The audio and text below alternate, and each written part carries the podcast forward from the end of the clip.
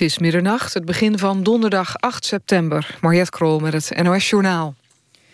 In Rio de Janeiro zijn de Paralympische Spelen begonnen. In het Maracanã-stadion is de openingsceremonie aan de gang.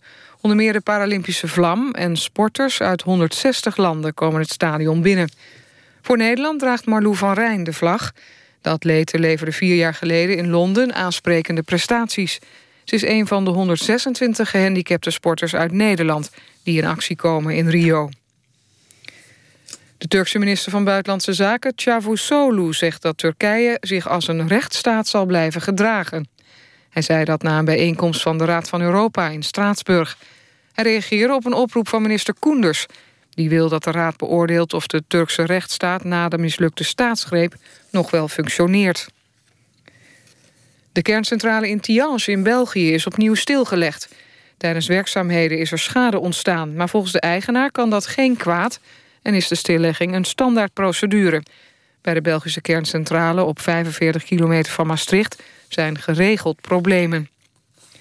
Het kabinet moet de veiligheid van de Nederlandse kernreactor in Petten snel laten onderzoeken, vinden PvdA, D66 en de SP in de Tweede Kamer. Volgens nucleair deskundigen staat de veiligheid in de reactor niet op de eerste plaats. De exploitant zou meer aandacht hebben voor commerciële belangen. In de kernreactor in Petten worden medische isotopen voor kankerpatiënten gemaakt. In het gloednieuwe stationsgebouw in Breda, dat pas komende middag wordt geopend, is een hennepkwekerij ontdekt. De politie vond 132 wietplanten in een appartement in de Anna van Lotharingen toren. Die toren is onderdeel van het nieuwe station dat vanmiddag officieel wordt geopend door staatssecretaris Dijksma. De wietplantage is inmiddels opgeruimd. Het weer vannacht vrij helder en ongeveer 14 graden. De komende dag veel zon en nog iets warmer dan vandaag, 26 tot 29 graden. Dit was het NOS Journaal. NPO Radio 1. VPRO. Nooit meer slapen.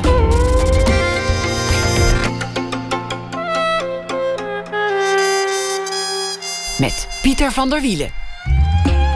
Goedenacht en welkom bij Nooit meer slapen. Simonis en Florentia, twee zaken die elke Hagenaar zo'n beetje wel kent. De een doet sinds mensheugenis in vis, de ander in ijs. En allebei zijn het familiebedrijven. Er is een voorstelling over gemaakt. Een soort Haagse Romeo en Julia. IJs en vis. Actrice Betty Schuurman komt straks langs en vertelt erover. Na ene dan ook een gesprek met de dames van Toren C... die al seizoenenlang het kantoorleven geestig weten te krijgen. Maar we beginnen met Robin de Pui. Sinds vandaag mag zij zich fotograaf des vaderlands noemen. Een jaar lang. Een functie waar zij aandacht in zal proberen te genereren voor de fotografie. Vandaag was de feestelijke aftrap van dat jaar. En uh, het thema is dit jaar, ook het thema van de Fotoweek trouwens. Kijk, dat ben ik. En uh, dat zal ook het thema zijn van het jaar van Robin de Puy. Want zij gaat zich richten op de portretfotografie. Een goed portret, heeft ze ooit gezegd, zegt iets over de geportretteerde, maar misschien nog wel meer over de fotograaf. Een interessante uitspraak. Robin de Puy is een reizende ster in de wereld van de fotokunst. Werd geboren in 1986, groeide op ergens in Zuid-Holland, heette Willem de Koning Academie. Maakt portretten voor de Volkskrant, Linda, Vrij Nederland, de New Yorker en vele andere fora. Ze won daarvoor prijzen, onder meer uh, de prijs voor portretfoto van het jaar.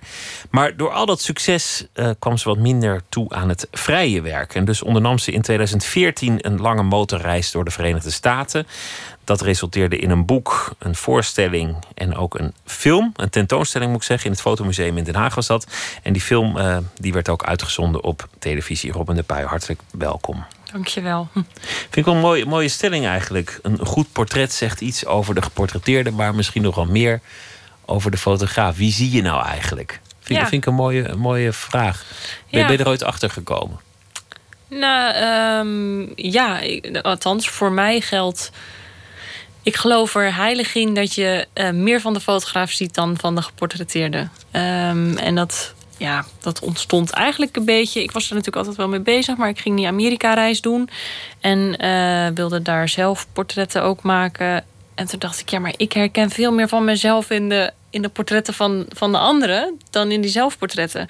Um, en toen ging ik daar een beetje zo nou ja, over nadenken. Van ja, wat, wat is dat nou eigenlijk?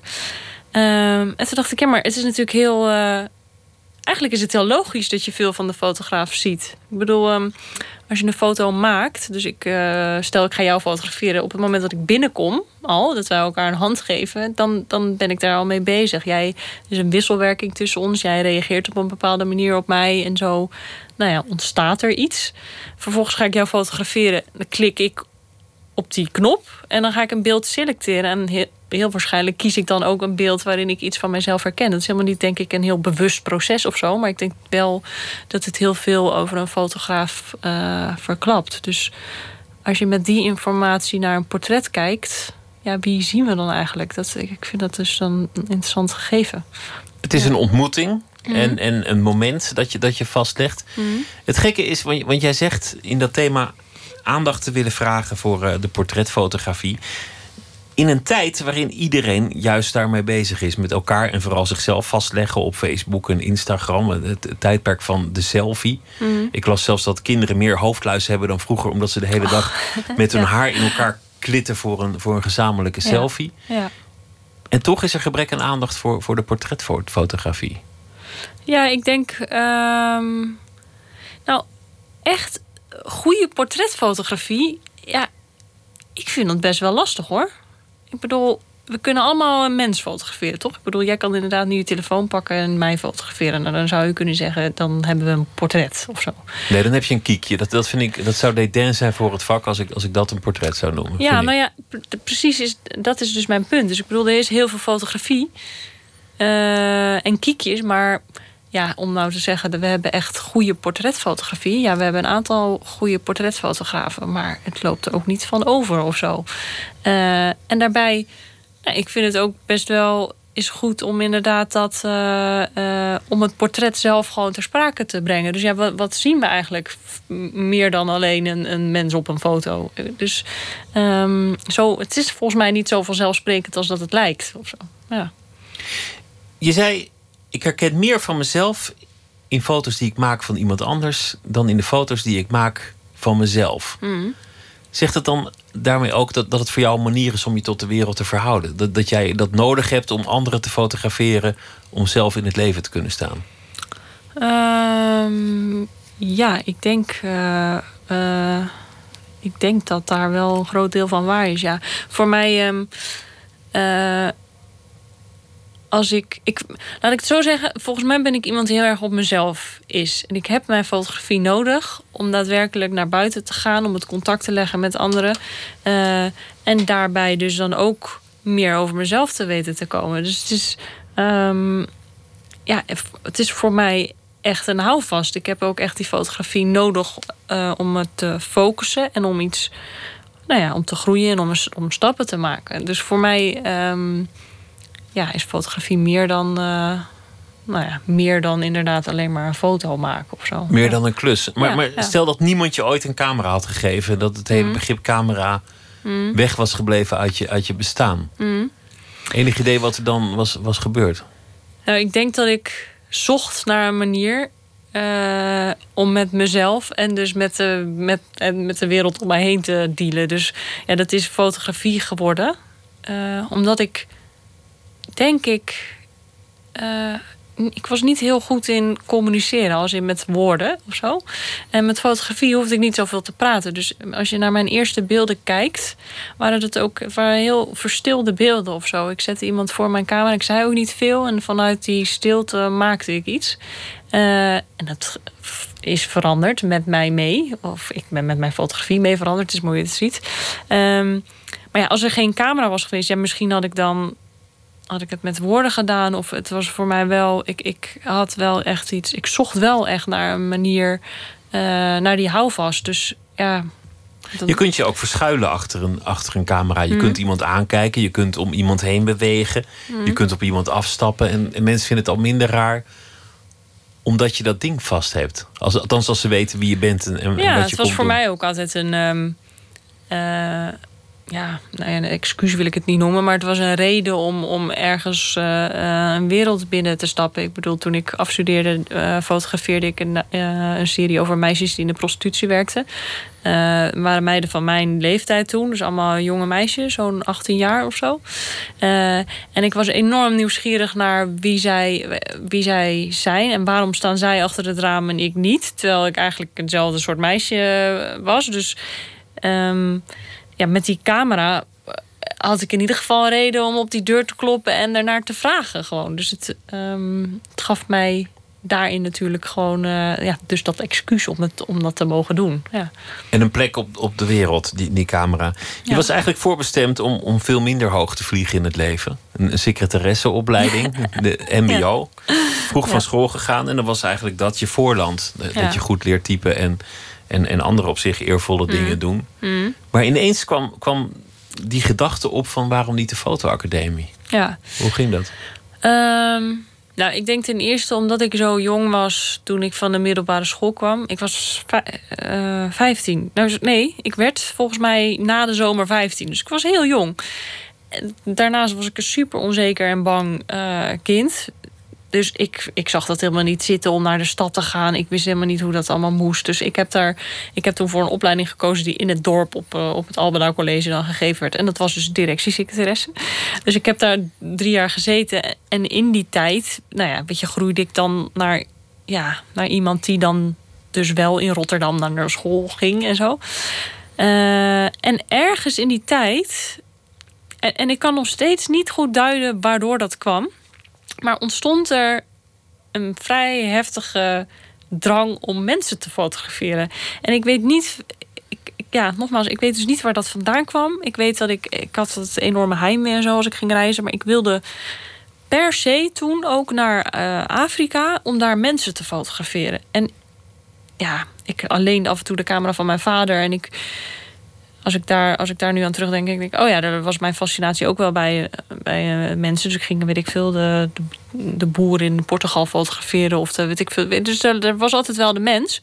Maar het was niet zo Um, het lag er niet heel dik bovenop of zo. En opeens dacht ik, ja, ik moet dat uh, doen. Of ik was daar zo op gefocust van, oh, ik, ik, wil die mensen in Afrika fotograferen. Uiteindelijk ben ik daar vier dagen geweest, omdat ik enorme heimwee had en helemaal niet, überhaupt niet normaal functioneerde daar. Het is een beetje de eerste vlucht teruggenomen. Ja, maar het grappige is dat. Um, ik was terug en die foto's bleven ook maar in mijn hoofd. Ik was daar de hele tijd mee bezig. En ik was, het was voor mij enorm belangrijk dat daar een goed, goed beeld of een goed portret bij zat ja, en toen vanuit daar, met die, met die paar foto's, ben ik toen ook aangenomen op de fotoacademie. En dat, dat voelde zo. Ehm, ja. Vanaf het moment dat ik op die academie zat, was het gewoon duidelijk, ja, maar dit moet ik, dit is van mij gewoon. Het was ook nooit een, de vraag van, oh, ga ik dit volhouden? Of ga ik, dat, eh, ga ik die eindstreep halen? Of ga ik, ga ik überhaupt door met fotografie? Dat is gewoon, dat, dat is mijn ding. En het gaat, dat, nou ja. Want je, je moeder ging nog mee naar de open dag, mhm. omdat je. Uh, nou ja, kluizenaarsneigingen had. Omdat je wat, wat, wat aan vreesjes leed en, en daar niet zo makkelijk naartoe ging. Mhm. zij, zij moest je begeleiden. Mhm. En eenmaal daar was duidelijk, dit, dit zou het wel eens kunnen zijn. Ik durfde toen nog steeds niet de stap te nemen, omdat ik dacht, ja, maar ik heb ook een broertje en een zusje. En hoorde ik, ja, weet je, het was een particuliere opleiding. En um, ik vond het heel moeilijk om, om te binden aan iets. Dus ik dacht, ja, dat is allemaal leuk en aardig. Maar er moet een camera komen en dan het kost allemaal geld. En toen zei mijn moeder, ja, maar wacht even. Dit is zo, dat kan, het kan niet dat jij dit niet doet. Zo, dat was ook, ja, voor mijn moeder was het was het ook heel, uh, heel duidelijk of zo. Toen zij had ook, dat was ook, nou ja, het is ook helemaal niet een vraag geweest van gaat ze dit doen? Dit was wel van nee, dit, dit, uh, dit klopt zo, jij gaat daarheen. Ja. Zou je jezelf nog steeds omschrijven als een angstig iemand? Ja. Ja. Dat vind ik interessant ja. dat je dat zegt. Want, want het, het, mooie aan fotografie is dat je klikt. Mm. En als het een goede foto is, dan zie je iemand anders of op een manier. En dan zul je hem altijd zo kunnen zien. Mm. Mm. Je krijgt een beeld van iemand. En als je woorden aan jezelf geeft, dan kan het ook een soort gevangenschap zijn. Als je zegt, ik ben angstig, dan leg je daarmee ook voor een deel voor jezelf vast dat het zo is. Ja, nou ja. Als je zou ehm, zeggen, ik ben moedig, dan doe je het omgekeerd. Ja, nou ja, ik snap wat je zegt. Uh, en ik denk ook dat deels van mijn, een deel van mijn angsten eh, gekoppeld is aan een herinnering. Dus ik heb wel degelijk natuurlijk die angststoornis en daar veel problemen mee gehad. En in mijn hoofd is dat nog steeds van: oh, ik ga reizen. Oh, dit is het moment dat ik bang moet worden. Oh, nu ben ik bang of zo. Uh, tegelijkertijd, ja, ik, ik ontwikkel zeg maar iedere keer nieuwe angst. Heeft heel erg met controle te maken. Dus inmiddels, kijk, ik ga er op een andere manier mee om. Weet je, uh, daar waar ik voorheen. Uh, weet ik veel, een soort kortsluiting in mijn hoofd had. En gewoon niet verder kon met hetgeen wat ik deed. Omdat ik zo in paniek en zo bang was. Weet ik nu, ten eerste heb ik een verantwoordelijkheid. Ik kan niet zomaar, weet je, als ik nu in het buitenland moet, is het vaak voor een klus. Of ik, ik kan niet zomaar op, op Schiphol zeggen: Oh, uh, ik durf niet. meer, laat maar, ik ga terug. Um, en ik weet natuurlijk inmiddels ook dat, oké, weet je, ik moet daar gewoon doorheen. Ik moet rustig blijven ademen. En dan op de automatische piloot dan maar even. En dan komt het vanzelf wel, dan vind ik wel mijn draai of zo. En die periode waarin ik mijn draai vind, wordt steeds korter. Uh, en en dat, dat gaat me steeds makkelijker af. Um, en mijn angst zit ook niet grappig genoeg in dingen die anderen dan weer snel eng zouden vinden. Of zo'n motor op de motor door Amerika. Dan, het concept van op een motor door Amerika vind ik niet eng. Maar hele basic dingen van oh. Uh, nou ja, een heel stom voorbeeld. Maar dat, dat ik bijvoorbeeld opeens heb bedacht dat mijn lichaam het niet aan kan. Dus ik ben dan bang dat, uh, dat, ik, dat ik zeg maar flauw val op de motor of zo. Snap je? Dus het zijn angsten die niet per se gebaseerd zijn op op een waarheid of zo. Maar het is echt een. Het is natuurlijk eigenlijk Kleine obsessieve een, gedachten. Zoals, zoals de meeste mensen dat hebben. Als ze op vakantie gaan, heb ik de kraan wel uitgedaan. Zoiets, ja. En die, weet je, dat, um, dat is een beetje hoe dat dan werkt of zo. Wat mij dat in de weg kan zitten. Ja. En wat doe je om je angsten te bezweren? Wat voor rituelen heb je dan? Dat verschilt, maar ik, uh, ik heb, uh, kan tellen. Uh, dus dan moet ik zeg maar tellen hoe lang ik inadem en uitadem en niet adem. Dus dat kan uh, helpen. Maar het kan ook. Um, ja. Uiteindelijk komt het erop neer dat ik mijn, ik moet mijn hoofd afleiden. En dat kan ik doen door, uh, weet ik veel, door gewoon daadwerkelijk met iemand te gaan bellen. En uitspreken wat er allemaal in mijn hoofd zit. Want ik schaam me natuurlijk heel erg voor dan. Wat, wat er allemaal gebeurt of zo. Dus het helpt om iemand te bellen of inderdaad te tellen. Of weet je, ik heb allemaal van die dingetjes voor mezelf bedacht die me dan helpen op zo'n moment. Uh, dat zag ik in de film ja, ook. Dan, dan, ja. dan tel je inderdaad of je zegt het, het komt goed, het komt goed, het komt ja. goed. Intussen ga je alleen op de motor door, door de Verenigde Staten. Zeggen mensen onderweg, neem pepperspray mee. Mm. Of, uh, of daar moet je niet heen, daar is het gevaarlijk. Of als je, als je iemand een rood petje ziet, dan is hij van de foute gang. En dan schiet hij zodra je binnen schotsafstand mm. bent. Mm. En eigenlijk kwam je op mij niet als, als een angstig iemand over. Nee, nee, omdat mijn angst daar dus ook niet zit. Ik voel um, op het moment dat ik. Nou ja, laten we die, die, zo'n situatie nemen. Op het moment dat ik in Amerika ben op de motor alleen. en ik moet inschatten of dat een situatie veilig is. dan heb ik het gevoel dat ik daar. dat ik dat aanvoel. En, en dat ik daarin absoluut voor mezelf kan zorgen. Mijn angst zit echt heel erg in mijn hoofd. Ik ben bang voor mijn eigen gedachten, snap je? Dus die angst is heel erg op mijzelf gekeerd. Zolang het gaat over, uh, weet ik veel, gewoon het doen. Dus gewoon daar aan het werk zijn. En nou ja, zo'n zo situatie met die, met die mannen of zo, weet ik veel. Dan twijfel ik er helemaal niet aan.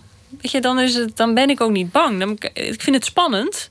En ik voel natuurlijk een. Uh, ja, weet je, ik, ik voel van, oh, dit is spannend, ik moet hier gefocust zijn, ik moet goed in de gaten houden en me heel bewust zijn van wat er om me heen gebeurt. Maar dat is niet angst. Het is gewoon, uh, weet je, daar, daar heb ik best wel heel erg controle over alles. Omdat het de concrete situatie is en alles wat in ja. jezelf gebeurt, je, je eigen psyche, je eigen lijf. Ja, ja.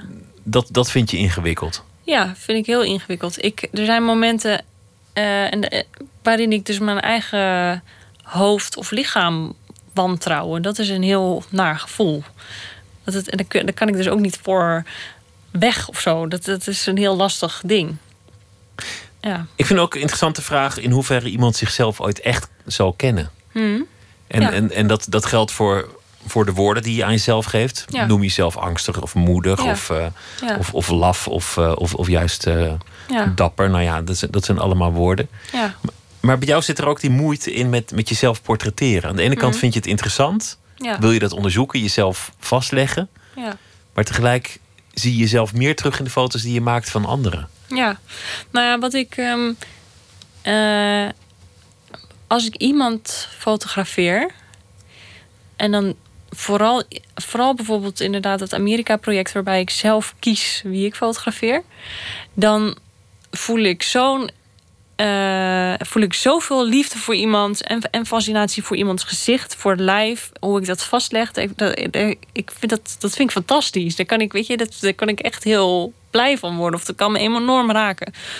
Maar tegelijkertijd uh, ervaar ik dat dus niet als ik dan naar mijzelf kijk of zo. En ik vind dat zo, dan denk ik, ja, maar um, waarom dan niet? Of zo. En, en, ik probeer door mezelf te fotograferen daar een afstand in te creëren en wel objectief naar mezelf te kunnen kijken. Dus het is voor mij ook een manier om daar dan uh, om daarmee om te gaan. Of zo. Het is. Ja, ik vind, ik vind dat een heel interessant ding daardoor. En tegelijkertijd enorm frustrerend. Want het, het eindigt vaak dan dus in een domper. Dan denk ik, oh, dan ga ik zelfportret maken en dan lukt het niet. Dan zie ik het na een paar weken terug en dan denk ik, nou, oké, misschien is het soms wel gelukt. Soms denk ik, oh nee, dat was inderdaad niks. Maar het, blijft, het blijft zo'n heel, ja... En wanneer is het gelukt? Wanneer vind je een, foto dan gelukt of totaal mislukt? Um, een zelfportret of een, of een portret van iemand Dat, dat begint met een zelfportret. Uh, nou, ik, er is bijvoorbeeld een portret wat ik aan het begin van de reis maakte. Een zelfportret energie in mij van de achterkant op een bed. En het is ehm, qua vorm is het een mooi beeld. Uh, ik vind het ook heel lastig wat ik voel. Of ik weet natuurlijk hoe ik me voelde in die situatie. Dus ik, ik, vind het dus dan heel moeilijk om te zeggen: ja, is dat, zien anderen dat dan ook? Maar als ik naar het beeld kijk, zie ik dat ik daar inderdaad um, nog gesloten ben en daar heel anders in sta. Ik denk als je dat beeld naast het beeld zou zetten wat ik aan het einde van de reis van mijzelf maakte, dan is er wel duidelijk een verschil of zo. Dus schijnbaar lukt het me dan toch om iets van mezelf te vangen daarin of zo. Ehm, maar er zitten ook heel veel dingen bij dat ik gewoon enorm aan het klooien ben. En dat ik denk, wat, weet je, wat, wat ben ik nou aan het doen? En dan word ik heel ongelukkiger van dat het me niet lukt. Dat het ten eerste gewoon de praktische kant. Namelijk, je kan niet door de lens kijken en in, weet je, bespelen met wat er gebeurt voor de lens. En dan ook nog dat je dan iets in je hoofd hebt en dat het dan niet, weet je, dat ik iets voel en dat ik totaal iets anders op dat beeld zie. Dat, uh, nou ja, dat kan dan inderdaad een enorme domper zijn daarna wat, of zo. Wat je zelf een mislukte foto vond, en dat vond ik heel interessant, omdat je, dat, dat er kennelijk zoveel was gebeurd mm. dat, dat je daar ook klaar voor was drie nogal nou ja, grote mannen. Hmm. Die liet je zich ontkleden, althans hun bovenlijf. Hmm. Die stonden in jouw hotelkamer. Jij ontkleed je ook, hmm. althans het uh, bovenlijf. En zij staan in een dreigende situatie tegenover jou. Jij kent die mannen niet, het zijn vreemde mannen. Dus eigenlijk doe je alles waar een meisje alleen voor gewaarschuwd wordt.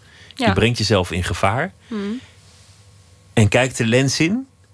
Maar, maar je kijkt er niet in als een bang iemand omdat jij ook de fotograaf bent, commandeer je. Ga eens naar links, ga eens naar rechts. Buk eens eventjes. hey, jij die hand hier en, uh, en doe eens even dit, doe eens even dat. Ja. Je, je was er alles behalve bang. Je, je, je, had de macht. Je had, je had de leiding. Ja, en dat komt dus door die camera. Dat is voor mij uh, schijnbaar. Uh, als, als die camera er is, dan, dan ben ik, dan heb ik gewoon focus. Ik ben me heel erg bewust van wat er gebeurt. En dan heb ik daar die controle over. Uh, dus dat maakt dat is precies, nou ja, dat is exact wat ik die houvast noem of zo. Dan lukt het mij heel goed. Terwijl zodra dat weg is, en dat, dat merkte ik daar natuurlijk ook, toen op een gegeven moment foto gemaakt was en de camera wegging, toen was er helemaal geen eh, controle meer. Dus toen moest ik ook snel weg. Het was overigens niet mijn hotelkamer, het was ook nog de hotelkamer van een van die mannen. Um, helemaal het Hol van de Leeuw. Ja, maar goed, wat, het ontstond... wat, hoopte je met die foto? Wat was je gedachte? Nou, het was zo dat ik, ik kwam daar aan. Ik ging kijken of dat een hotel was waar, we, waar, waar ik... En toen waren dus de cameraman en regisseuse uh, bij mij.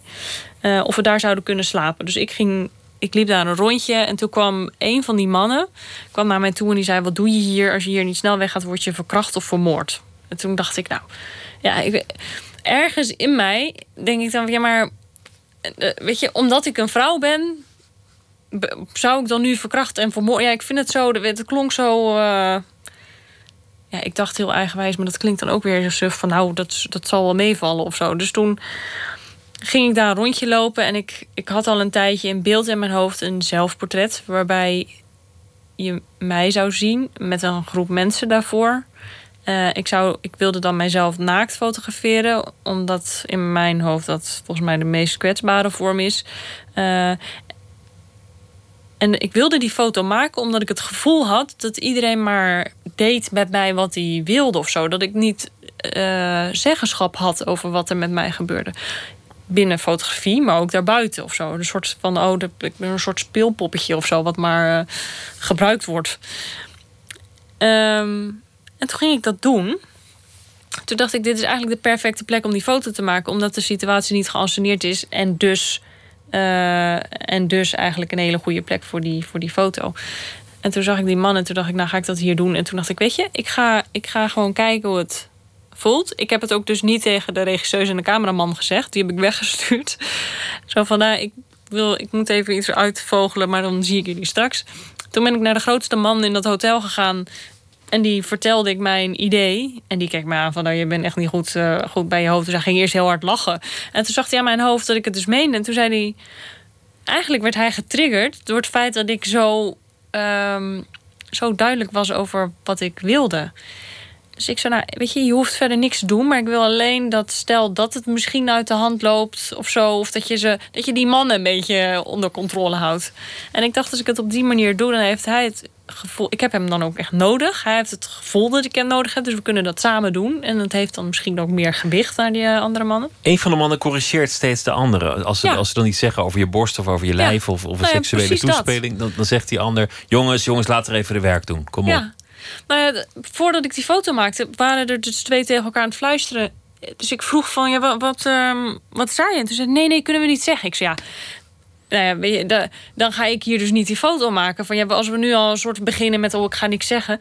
Toen waren ze dus bang dat ik iets van hun zou stelen in hun hotelkamer. Toen dacht ik, oh, maar dit is precies, weet je, dit is nou zo interessant. Ik, ik, weet je, mensen denken van oeh, dat is gevaarlijk. Terwijl deze mannen dus bang zijn dat ik iets stil uit hun kamer. Terwijl ik zo halfnaakt, uh, weet je, voor ze ga staan. Dat is natuurlijk een heel omgekeerde wereld. Maar daarin bedoel ik maar van, ja, weet je het is allemaal zo. We kunnen van tevoren wel bedenken van oh, dat gaat zus of zo. Maar dat hoeft natuurlijk niet zo te zijn. Als ik ergens.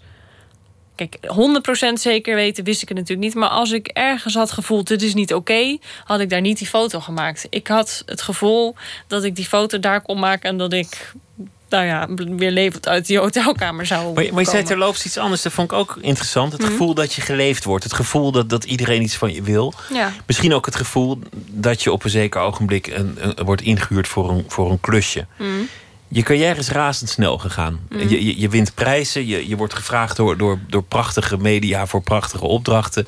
Nou, je hebt eerst heel bekend Nederland op de foto gezet en, en daarna ben je de wereld zo'n beetje gaan mhm. verkennen op dat vlak het zijn klussen. Ik bedoel, je wordt, je, je, wordt gevraagd, portretteer iemand. Ja. dat kan inderdaad gaan voelen alsof je, alsof je gewoon een trucje moet doen, alsof je geleefd wordt. Ja, nou ja, uiteindelijk was het. Kijk, mijn fotografie is ontstaan vanuit de nieuwsgierigheid naar, naar, de, naar de ander. En daarin is het dus best wel belangrijk dat ik zelf bepaal wie er voor mijn lens staat. Uh, en uiteindelijk had ik de luxe dat ik gewoon constant aan het werk was en dat ik mijn onderwerpen in mijn schoot geworpen kreeg.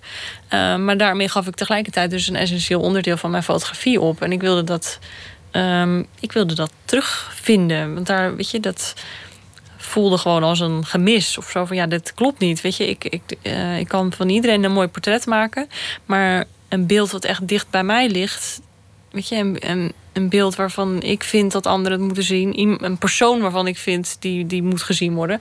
Dat miste een beetje of zo. Dus um, nou ja, vanuit daar ging ik dus dat project doen. Maar, want, want zo, als, als, als mensen bekend worden, mm. dan, dan, dan ja, dat wordt heel irritant eigenlijk. Want, want mensen worden ook een soort merk. Ja. Dat, dat is tegenwoordig heel erg, alles is marketing geworden. Politiek is marketing, journalistiek is marketing, alles is marketing. Ja. En, en, zij willen een beeld overbrengen aan jou. Mm. Die hebben waarschijnlijk ook wel een mening van wat voor pak ze aan willen en welke hoek ze willen staan. Maar jij wil de werkelijkheid betrappen. Nee, je levert, ik bedoel, je levert altijd iets in. Ik bedoel, als je een opdracht fotografeert, hoe vrij ze je ook laten, lever je iets in.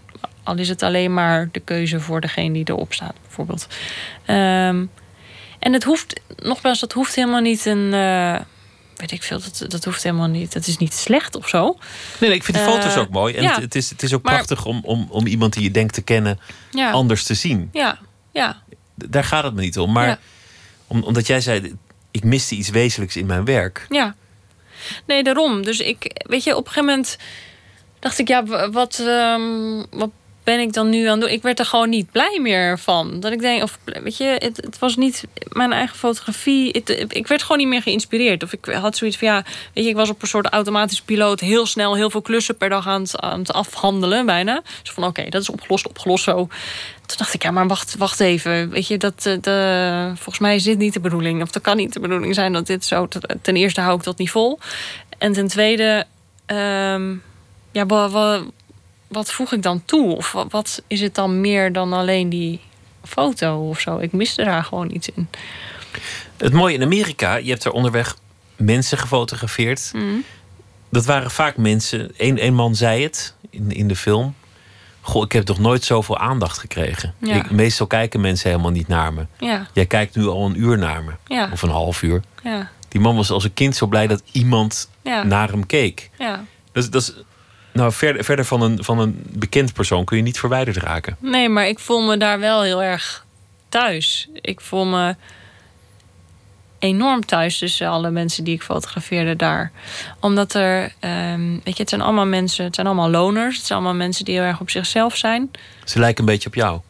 Ja, ik denk dat dat uiteindelijk dan wel natuurlijk ja, de conclusie is of zo. Van, oh ja, ik herken daar veel in. En de, weet je, het is ook niet iets wat gebaseerd is op woorden. Of het is gewoon iets wat daar is. Weet je, met, met uh, Cecil, de man waar je het nu net over hebt. Die man die, ja, die was zo blij dat ik daar was. Die, die, die praatte maar door en door. En die, weet je, er waren heel veel woorden.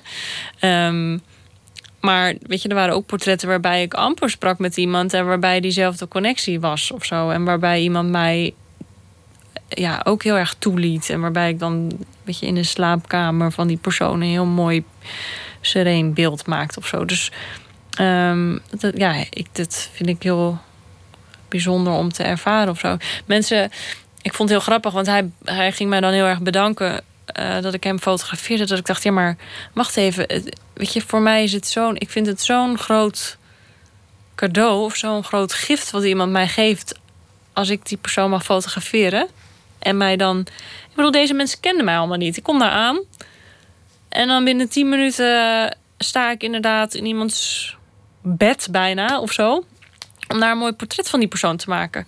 En vertellen ze me van alles en nog wat. En, en uh, weet je, is daar een soort ding zonder, zonder dat iemand een masker op heeft. Of zonder, weet je, het is heel. Uh, maar het is ook meer een ontmoeting dan, dan een sessie die van tevoren al bedacht is door een redactie ja. via een agent. Ja. Het is natuurlijk een mooier moment. Ja, nou ja, en ik dacht dus van ja, wat kan ik dan eigenlijk teruggeven? Behalve dat ik alleen maar pak of zo. Weet je, ik, ik zie die mensen, ik bal hun leven binnen, ik fotografeer ze, ga weg met een foto. Uh, ik hou die foto, maar zij hebben dan niks of zo. Ik ben, ik, was, ik ben dan heel bang van, oh, misschien maak ik dan misbruik van iemand. Of... En toen zei hij van, ja, maar weet je, uh, jij luistert uh, inderdaad naar mij. In dat moment van het maken van die foto is ook voor, voor de ander schijnbaar kan van grote waarde zijn. En dat, dat is natuurlijk heel mooi of zo. Ik, ik heb dan ook wel het gevoel, ja, maar ik, volgens mij maken we ook echt wel samen dat beeld. Ik heb namelijk echt iemand nodig, ook het vertrouwen van iemand om dat beeld zo te maken. Maar je maakt het samen, dat, dat is interessant. Want jij kiest, jij, jij drukt af, jij. Nou, ik weet niet in hoeverre je bewerkt, maar, maar er zal altijd wel iets gebeuren. En mm. jij hebt de macht over het uiteindelijke beeld, maar je hebt dan het gevoel dat je het samen maakt. Ja, omdat het beeld was nooit tot stand gekomen als iemand mij niet daarin zou vertrouwen. Dus um, dat is wel grappig. Er zijn twee voorbeelden. Uh, eentje was een, uh, een vrouw in uh, Wyoming. Ik fotografeerde haar. Zij had een, um, een handicap. Volgens mij, zij had inderdaad, hoe heet het, scoliose. Zo'n rug. gebogen rug. Ik ging haar fotograferen en ik dacht dus dat het voor haar fijn was uh, om een foto te laten zien die ik eerder die reis maakte van iemand in Austin die inderdaad hetzelfde probleem heeft. En die, die man had mij enorm geraakt. En ik was een paar dagen daar gebleven. En dat was een. Weet ik veel. Dus ik deelde dat met haar. Ik liet haar die foto zien. En in plaats van dat het haar vertrouwen gaf, schoot ze in een soort angst van: oh, jij wil mijn handicap fotograferen. En toen dacht ik, oh, ze begrijpt me verkeerd. En toen wist ik niet meer hoe ik dat op moest lossen. Dus dat vertrouwen was daar weg of zo. Uiteindelijk is het wel weer goed gekomen. Maar dat was heel. Ik, ja, ik, ik weet ook niet hoe ik een beeld moet maken als iemand mij niet toelaat of zo. Dan kan ik wel kan een plaatje maken, maar echt een goed portret, dat wordt dan toch wel echt heel lastig. Andersom, omdat zij natuurlijk mij uh, filmde een tijdje. Uh, was er op een gegeven moment een moment dat ik me heel ongemakkelijk voelde. En een soort paniek of inzinking. En, en ze stopte dus niet met filmen. Maar ik had ook van tevoren gezegd: ja, nee, doe maar. Ik, ik weet dat ik me op dat moment natuurlijk. Ik wil niet dat het vastgelegd wordt. Maar het is eigenlijk dezelfde situatie of zo. Volgens mij is die documentaire goed geworden omdat zij, omdat ik, omdat ik de regisseuse en de cameraman vertrouwde daarin. En dus uiteindelijk kon loslaten van ja, shit, kom ik dan wel of niet goed op, op de beeld. Maar, maar je voelt verwantschap met een man zonder tanden langs een stoffige weg in Amerika, die, waar nooit iemand naar kijkt, een kluisenaar. Ja. Je, denkt, ik herken iets van mezelf en je hebt een bijzonder moment. Ja. Herken je ook iets in, in, in Matthijs van Nieuwkerk of Eva Jinek of, of andere mensen die je mooi geportretteerd hebt, Mark Rutte? Nou, dat is dus anders. Maar, maar zit, zit er iets in die mensen wat ook in jou zit? Een, een, uiteindelijk een, een drang naar het licht. Misschien niet in die persoon. En daar gaat het precies om. Van ja, dan uiteindelijk maak ik natuurlijk een beeld waarin ik wel iets herken. Ik denk al mijn beelden, ook het toegepaste werk, uh, daar zit iets in. Ik, en ik kan het heel moeilijk uitleggen, maar er zit iets in de blik of er zit een bepaalde toegankelijkheid in die in ieder beeld voelbaar is. Um, dus Kijk, er zit natuurlijk een essentieel verschil tussen het toegepast werk of het vrijwerk. Maar als ik iemand in mijn schoot geworpen kreeg, uh, krijg van, oh, dan ga die fotograferen. Dan uiteindelijk zoek ik alsnog naar iets waarin ik ja, iets herken je, zoekt, of zo. Je zoekt de angstige, eenzame Mark Rutte. Nou, dat hoeft. Ik denk niet, ook in mijn Amerika-ding, denk ik niet dat het allemaal angstige, eenzame mensen zijn. Maar... Een moment van herkenning. Jij ziet die man voor je lens. En, en, het is natuurlijk uh, de baas van het land in, in een mooi matig gesneden pak. Maar mm. Het is een moment dat, dat je een herkenning hebt dat je, dat je afdrukt. Ja, en ik denk ook in het, het, weet je, het maken van die foto gaat ook heel terloops of zo. Dus het, um, ik, ja, ik denk niet aan dat hij.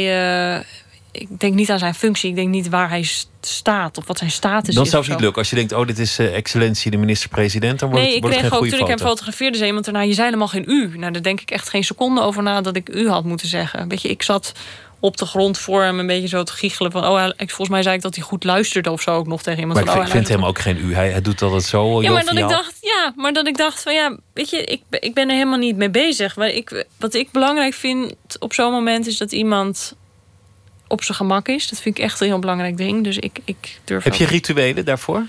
Um, nee, ik heb gewoon natuurlijk wel mijn ja, trucjes. Klinkt zo. Ik, ik vind. Um, volgens mij voel ik gewoon heel snel aan hoe iemand op dat moment zich voelt. En, en daar stem ik me op af of zo. Dus ik probeer heel erg toch op één lijn te zitten met degene die ik fotografeer. En vanuit daar ga ik dan iets, uh, iets maken. Hoe lang duurt zo'n sessie? Heel kort. Ik kan, ik, als ik tien minuten met iemand bezig ben, dan is het al vrij lang voor één portret.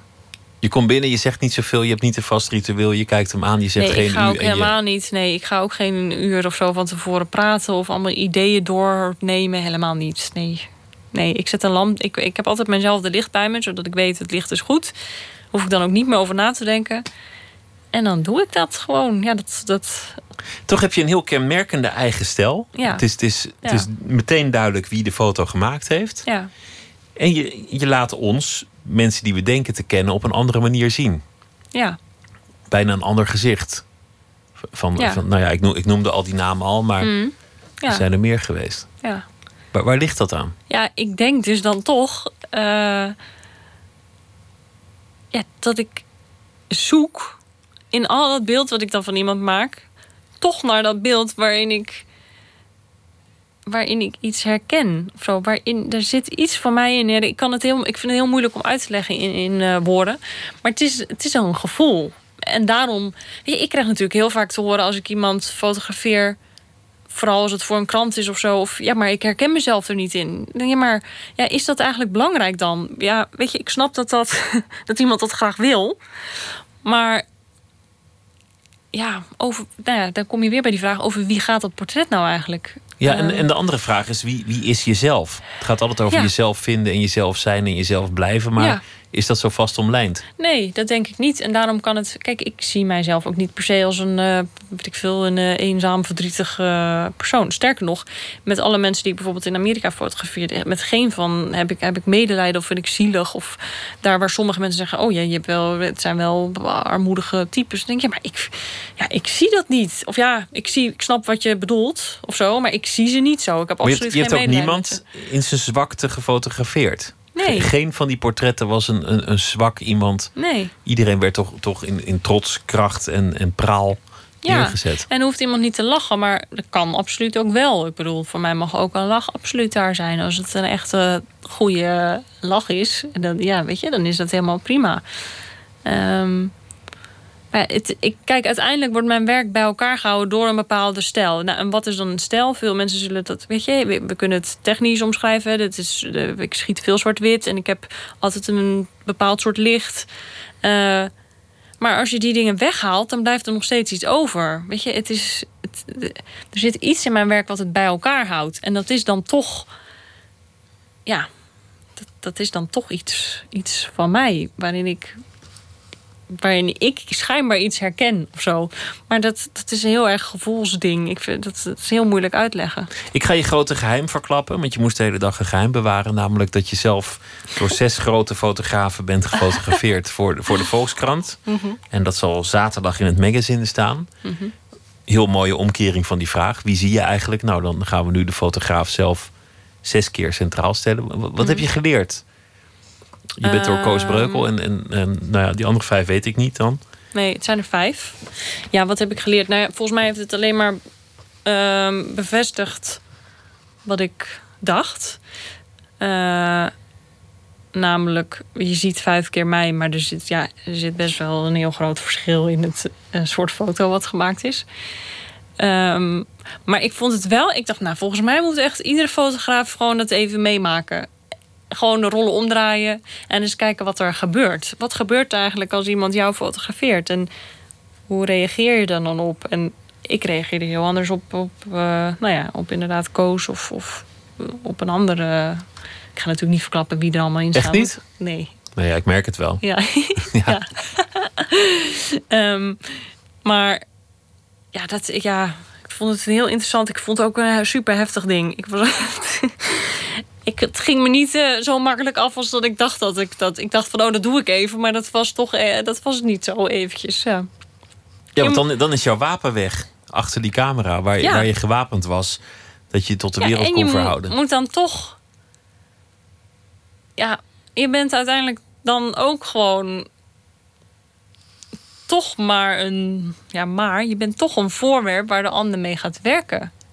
En iemand stopt daar zijn of haar ding in. Overheen, of laat dat erop los. Eh, en ik wilde gewoon, ik dacht, oké, als dit mijn visie is, namelijk je ziet heel veel van de fotograaf, minder van de geportretteerde, dan wil ik ook kijken wat er gebeurt. Dus ik ga dan niet zeggen, oh nee, ik wil, weet ik veel, eh, eh, dat ik me dan helemaal ermee bemoei van, oh misschien moet je me in die hoek fotograferen of misschien moet ik lachen of zo. Nee, ik heb ze dan, nou ja, echt hun eigen beeld laten maken. Maar dat is super heftig natuurlijk, want je bent gewoon een soort, je bent gewoon een stuk klei en zij gaan boetseren en zij maken iets van jou. En ze kunnen je neerzetten als een heel bang vogeltje of als Ja. een enorme diva of, Ja, eh, ja. of ronduit lelijk. En je weet niet altijd waar ze mee bezig zijn. Nee, Ik heb ook als nee. fotograaf over de vloer gehad die, die zei: Ik heb zo'n godsontiegelijke kater, ik hoop dat het niet te lang duurt. Ga daar maar staan. Oh, ja. Nee, dat is... eh, Ja, heb ik, komt de- voor. zo ben ik nog nooit ergens aangekomen. Laten we gaan luisteren naar eh, soulmuziek. Want we hadden het over eh, de Verenigde Staten. En Mhm. Lee Moses is zo'n mooie oude soulzanger uit Atlanta. Hij had eigenlijk nooit een hit. Maar er is een heruitgave. Dus het gaat nu allemaal een stuk beter met hem. En dit nummer heet free at last.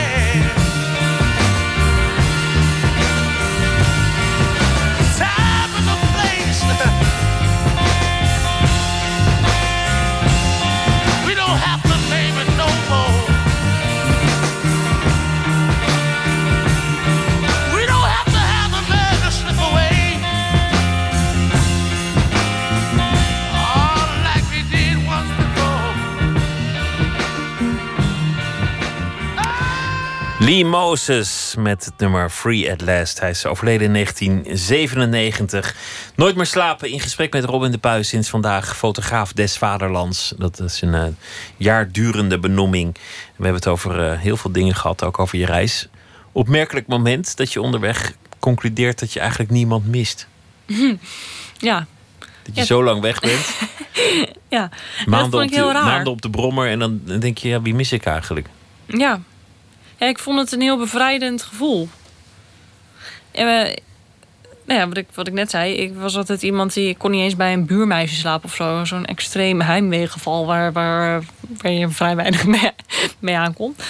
Um, en dan ben ik daar en dan is dat helemaal niet. Zo van, huh? Ik voelde me er zo op een gegeven moment zo op mijn gemak. Op mijn gemak dat er geen thuis was. En dat ik gewoon alleen Vrij maar die was. zadeltassen had en een rugzak. En dat was het. Uh, dat, ja, alles. Uh, ik, had, ik had niet het gevoel um, van, oh shit, ik wil terug. Of helemaal niet. Nee, nee. Het was een heel fijn gevoel. Zo van, oh, zo los Maar- van alles. Maar toen je je dierbaren weer, weer zag, to- toen, toen was het toch wel een gevoel van ik heb je gemist? Of, of ben je echt totaal onthecht? Nou, sterker nog, ik kwam terug en ik ben gewoon heel lang ik, niet naar dierbaren toegegaan. Omdat ik dacht, ja, zij hebben mij heel erg gemist, maar ik wil hier helemaal niet zijn of zo. Ik had daar best wel moeite mee. Om, Je wilde nog steeds die vrijheid. Ja, ik vond het heel moeilijk om, om, eh, om dan terug te komen. En nou ja, bijvoorbeeld mijn moeder. Ik wist dat mijn moeder me dolgraag wilde zien. Maar het idee dat ik dan naar haar toe zou gaan en dat mijn moeder dan dacht: Oh, je, ik heb je zo gemist en zo. En dat ik dat dan niet terug kon zeggen. Dat vond ik heel, ja, eh, narig idee. Dus dan, ik was dat aan het uitstellen de hele tijd. Tot op een gegeven moment mijn agent die is gewoon, eh, volgens mij is me op gaan komen halen. Zo van, nou nu is het wel, nu is het wel klaar met dit eh gedoe. Van, kom hier. En dan is het natuurlijk ook oké. Maar ja, ik, wil, ik, wilde helemaal niet, ik wilde helemaal niet daar zijn of zo. Ik wilde gewoon terug op die motor en doorgaan met die reis. Ja. Je kon eigenlijk niet terug naar, naar, je, naar je bestaan, in, in die zin. Nee. Eh, Wat, wat, dat zit er tussenin. Het zelfportret, het portret van de ander. Dan heb je ook het portret van degene die je goed kent. Mm. Degene die je dierbaar is. ja. Ik vind ook het mooie van, van reizen. Dat, dat je denkt, ja, de- dit had ook mijn stamcafé kunnen zijn. Dit had mijn geboorteplaats Ja, kunnen zijn. ja. Dit had mijn beste vriend kunnen zijn. Ja. En met, met dat barmeisje eh, had ik eh, levenslang getrouwd kunnen zijn met twee kindjes. Of Ja. je kunt je alles voorstellen ja. dat het ook zo had gelopen. Ja. Nee, ik vind de afstand die er is. Eh, eh, als, je, als ik iemand fotografeer die ik eigenlijk niet ken, vind ik heel, vind ik heel fijn. Of zo. Daardoor heb ik ook het idee dat ik een goed beeld kan maken. Eh, daarom fotografeer ik ook eigenlijk nooit iemand die dicht bij mij staat. Dat vind ik zo lastig. Ik, ik weet gewoon niet hoe ik dat moet doen. Ik heb één keer mijn zusje geprobeerd te fotograferen die zwanger was. Dus ik dacht, nou, ik, nou ja, er is een foto uitgekomen om nou te zeggen: God, dat is. eh, ik, ja, nou ja. Dan lukt het niet als je, als je Nee. iemand te goed kent. Nee, vind ik echt enorm moeilijk. Waarom wordt het dan moeilijk? Ja, ik weet niet. Omdat ik denk ik dan toch die afstand nodig heb om... eh, ja, om objectief of zo naar iemand te kijken. Misschien is dat het. Misschien is het hetzelfde als dat, weet ik veel, als je ergens op een nieuwe plek komt. Ik bedoel, de eerste keer dat je daar komt, zie je alles nog. Eh, en, de, en de tweede keer wordt het al minder. En op een gegeven moment als je daar woont, ja, dan, dan ik weet niet, valt dat weg of zo? Ik, weet- ik weet niet wat het is. Ik vind het super lastig. Maar nu ben je bezig met een project. Je, je Mhm. oud-oom die woont in Denemarken. Iemand die jou dierbaar is. Ja. Die heeft te horen gekregen dat hij Alzheimer heeft. Mm. En je hebt besloten om hem te volgen. Ja. En, en dat, dat is eigenlijk het, pro- het nieuwe project. Ja. En dat zal je ook doen in het kader van, van het jaar dat je Ja. van, van de fotoweek, et cetera. Nou, ik heb hem nu, want ik, ik wist al een tijdje dat ik fotograaf des Vaderland zou worden. Dus ehm, eh, normaal werk je aan het. gehoord, nee. Nee, dus normaal werk je eh, inderdaad, of de voorgaande jaren hebben ze inderdaad tijdens dat jaar daaraan gewerkt. Maar ik wist het dus al eh, een tijdje, dus ik heb aan het project gewerkt, zodat het volgende week in Breda gelanceerd kan worden. Maar ja, mijn oom is iemand die inderdaad heel dicht bij mij staat. En dus een van de weinigen die ik schijnbaar wel kan fotograferen. Eh, maar dat komt ook omdat ik dacht, ja, maar ik, ik moet het nu wel doen. Want straks is het te laat.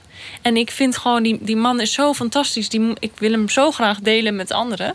Dat, ehm, ja, dat, weegt, dat weegt veel zwaarder dan van... oeh, misschien kan ik wel, kan ik het niet of zo. Misschien is het ook niet meer echt een bekende omdat hij die ziekte heeft, waardoor alles nieuw is. Voor hemzelf, voor jou. Alles is aan het Mhm. veranderen. Ja. Er is een, een vreemde tussen jullie inkomen te staan. Ja, terwijl tegelijkertijd ehm, heb ik het gevoel dat onze band veel hechter wordt. Ook door die ziekte. Ik, ik heb eh, heel erg het gevoel. Mijn tante zei een aantal keer tegen mij: Ja, ik moet nu afscheid nemen van hem. Iedere keer opnieuw. Kleine stukjes van hem verlies ik al. En ik begrijp heel goed wat ze zegt. En ik zie natuurlijk ook dat dat zo is. Ehm, maar tegelijkertijd. Ja, er, komt ook iets voor terug of zo. En dat klinkt een beetje. ehm, maar hij reageert op een heel. ehm, steeds een, het is alsof, alsof ik steeds een puurdere vorm zie van wie hij is. Dus er valt steeds een soort laagje van hem af. Eh, bijvoorbeeld gewoon. Als jij iets aan mij vraagt, dan weet ik van nou, het is netjes om zo of zo te reageren. Bij hem er ontstaat een soort kinderlijke manier van reageren. Dus het is niet, hij geeft wellicht niet het antwoord wat je verwacht. Maar hij is daar wel heel eerlijk in. Of hij, weet Je, je ziet dat misschien wel meer als zijn eigenlijke zelf dan, dan de, de versie zonder ziekte. ja, ik vind dat echt. eh, en dat ontroert me iedere keer zo, zo heftig dat ik denk. eh, ik, vind dus, ik vind het echt. Ik vind het een fantastische man. En hij wordt alleen maar. Weet je, hij wordt alleen maar leuker en nog meer fantastisch en nog unieker. En terwijl ik tegelijkertijd natuurlijk weet dat we hem verliezen of zo. Eh, maar daarom ja, heb ik zoiets van, ja, maar ik moet dat vastleggen. Zo kan het niet meer. En dan, dan heeft iedereen deze man gemist of zo. Terwijl, Dat is ook een, een Ja. functie van het portret. Je vereeuwigt iemand. ja, ja, Je vereeuwigt een ontmoeting, maar je vereeuwigt ook gewoon een, een persoon die anders ja. ongezien zal zijn. Ja, en ik vind gewoon, het is zo makkelijk. Kijk, ehm, eh, natuurlijk, hè, ik bedoel. eh, kijk, eh, mensen met Alzheimer, het is niet zo dat iedereen. eh, eh, weet je, sommige mensen worden ook agressiever van, bijvoorbeeld. Nou, maar gelukkig is dat bij mijn oom niet zo. Het, wordt, het is een heel emotioneel mens en dat wordt heftiger en zo. En hij, eh, vergeet dingen en, en kan soms niet helemaal meer de link leggen naar wie ik ben of waar ik ben in sta in de familie of zo, dat soort dingetjes. Ehm, maar ik wil zo graag. Nou, laat ik het zo zeggen. Ik had hem kunnen fotograferen. Oh, hij komt uit bed en hij gaat eten. En oh, dan zien we hem eh, zus of dan zien we hem zo. Maar ik vind het helemaal niet zo interessant. Volgens mij is het veel interessanter om, om te laten zien wat het nog meer doet. Namelijk, hij wordt er enorm creatief door. Ik bedoel, hij loopt opeens met een paperclipje op zo'n borstzakje. Ik zo, wat heb je daar nou eh, zitten? En dan zegt hij, oh ja, kijk, dan kan ik dingen aan vast te maken. En dan heeft hij daar opeens een luciferdoosje aan bevestigd. Zo van, oh, dan raak ik het niet kwijt. En denk ik, ja, het is, weet je, het is zo, het is zulke simpele logica. Maar ik denk er niet aan, omdat ik in de eerste instantie daar, weet je, er zijn veel te veel dingen in mijn hoofd die er allemaal nog, weet je. ehm, ja, ik weet niet. Ik vind dat heel. eh, Een voorbeeld zijn, zitten we in de tuin. Is hij een krant aan het lezen. En dan herinnert dat hem aan eh, dat hij in de. eh, dat hij altijd soldatenhoedjes vouwde of zo op de kermis vroeger toen hij heel klein was. Gaat hij vervolgens heel lang bezig zijn met zo'n hoedje vouwen. En dat moet dan perfect. En is hij helemaal daar, gaat hij daarin op. En dan gaat hij zo in op dat hij mij daarin meeneemt. En dan opeens, weet je, dan- hij loopt dan ook drie uur lang met zo'n hoedje door die tuin, doodserieus. En dan is bijna de, hele dag voorbij. En dan hebben we alleen maar die hoedjes gevouwen. Vol overgave zijn we die hoedjes aan het vouwen. Dan denk ik, ja, dat is toch fantastisch als je dat zo kunt doen. Ja, Ja, en ook mooi om te portretteren, om- omdat, Ja. het, omdat het elk, ja, hij kijkt zelf elke dag opnieuw naar het leven en jij opnieuw naar hem. ja. Kun je terug na, na zo'n reis en je zo vrij voelen? Want Je bent nu al een tijd terug. Ik bedoel, het, is, het is niet gisteren dat je terugkwam. Mm, mm. Maar, maar hoe zie je de rest van je, van je loopbaan en wat verandert er? Is, is dit meer wat je wil doen, je, je vrije werk?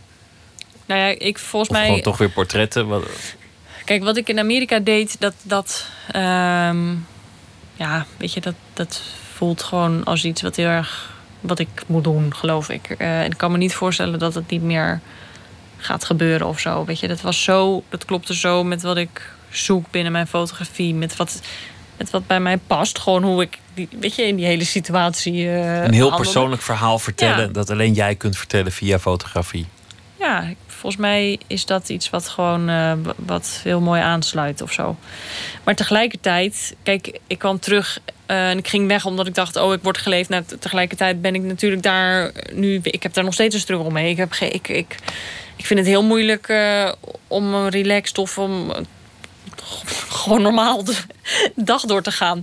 Maar wat er wel veranderd is, is dat die reis en die mensen, die hebben mij zo geïnspireerd dat ik denk, weet je, ik heb enorm veel ideeën. En daar maak ik ook wel nu echt tijd voor vrij. Weet je, dat ik gewoon een paar keer naar mijn oom ga en dat ik dat op die manier doe. Dat ik nu dat bijvoorbeeld ook aan het combineren ben met, die, met, met filmbeelden en zo. Dat, weet je, dat is gewoon, ik heb het gevoel dat er veel meer vrijheid is om, om te onderzoeken. En, ik, en die grijp ik ook meer aan of zo. Ik heb het gevoel dat ik meer speelruimte heb om uit te vinden uh, weet je, wat is interessant om te laten zien? En laat ik dat zien door één beeld of laat ik dat zien door een serie? Laat ik dat zien door de combinatie te maken met bewegend beeld? Daar, ik, ik heb het gevoel dat ik daar veel meer eh, mee kan of zo. En dat is natuurlijk heel fijn om te voelen. Dus ik heb, ik heb wel weer het gevoel dat ik denk van... oh ja, ik ben wel weer bij die essentie of zo van mijn fotografie terechtgekomen. En die was ik kwijt, maar die is er wel weer. Ja. Ik ben heel benieuwd wat er allemaal uh, gaat gebeuren. Een jaar lang fotograaf des vaderlands. Robin de Puy, dank je wel. Dank je wel. Zometeen gaan we verder met Nooit meer slapen. Onder meer met een uh, verhaal van Katelijn Schilder... die deze week onze huisschrijver is. En we gaan het hebben over Toren C, de satirische tv-serie over het kantoorleven en heel veel andere dingen. Twitter, VPRO NMS. We zitten op Facebook. En u kunt zich abonneren op de podcast via iTunes of de website van de VPRO. vpro.nl slash nooit meer slapen.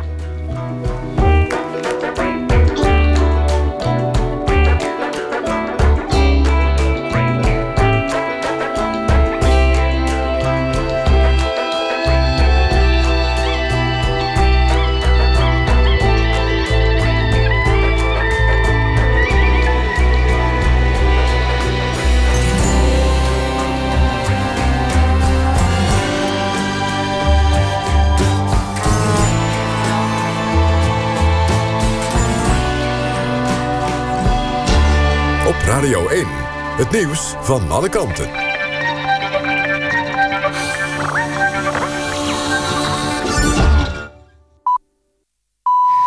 1 uur, Mariette Krol met het NOS Journaal. Een aantal particulieren en instanties moeten subsidie terugbetalen... die ze hadden gekregen om campagne te voeren rond het Oekraïne-referendum. De referendumcommissie vraagt het geld terug... omdat de kosten van sommige subsidievragers veel lager zijn uitgevallen of omdat ze hun uitgaven niet kunnen verantwoorden. Voor het referendum in april over het associatieverdrag met Oekraïne... was aan 98 particulieren en 42 organisaties subsidie verleend. Na een steekproef is besloten dat 10 particulieren en 19 organisaties... een deel van de subsidie of het hele bedrag moeten teruggeven.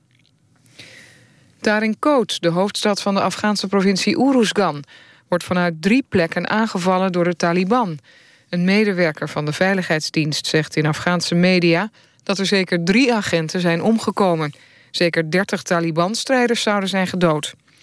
De aanvallen begonnen maandag. De provincie Uruzgan heeft de Afghaanse regering gevraagd... om grondtroepen en gevechtsvliegtuigen. In Rio de Janeiro is de openingsceremonie van de Paralympische Spelen in volle gang. De gehandicapte deelnemers lopen het Maracana-stadion binnen per land net als bij de Olympische Spelen. Aan de Paralympics doen 160 landen mee. De Nederlandse sporters lopen rond deze tijd het stadion binnen... onder aanvoering van atlete Marlou van Rijn. Ze draagt de Nederlandse vlag. Nederland heeft 126 sporters die in actie komen op de Paralympics in Rio. Het Amerikaanse Liberty Media wordt de nieuwe eigenaar van de Formule 1. Voor 8 miljard dollar neemt het mediabedrijf de aandelen over... van de Britse grootaandeelhouder CVC Capital. De overname hing al even in de lucht en is nu bevestigd. Afgesproken is dat Liberty Media in eerste instantie... ruim 18% van de aandelen krijgt... en dat het later volledig eigenaar wordt. De steenrijke Brit Bernie Ecclestone blijft directeur van de Formule 1. Het weer vannacht vrij helder, de komende dag veel zon... en nog iets warmer dan vandaag. Dit was het NOS Journaal. NPO Radio 1. VPRO. Nooit meer slapen.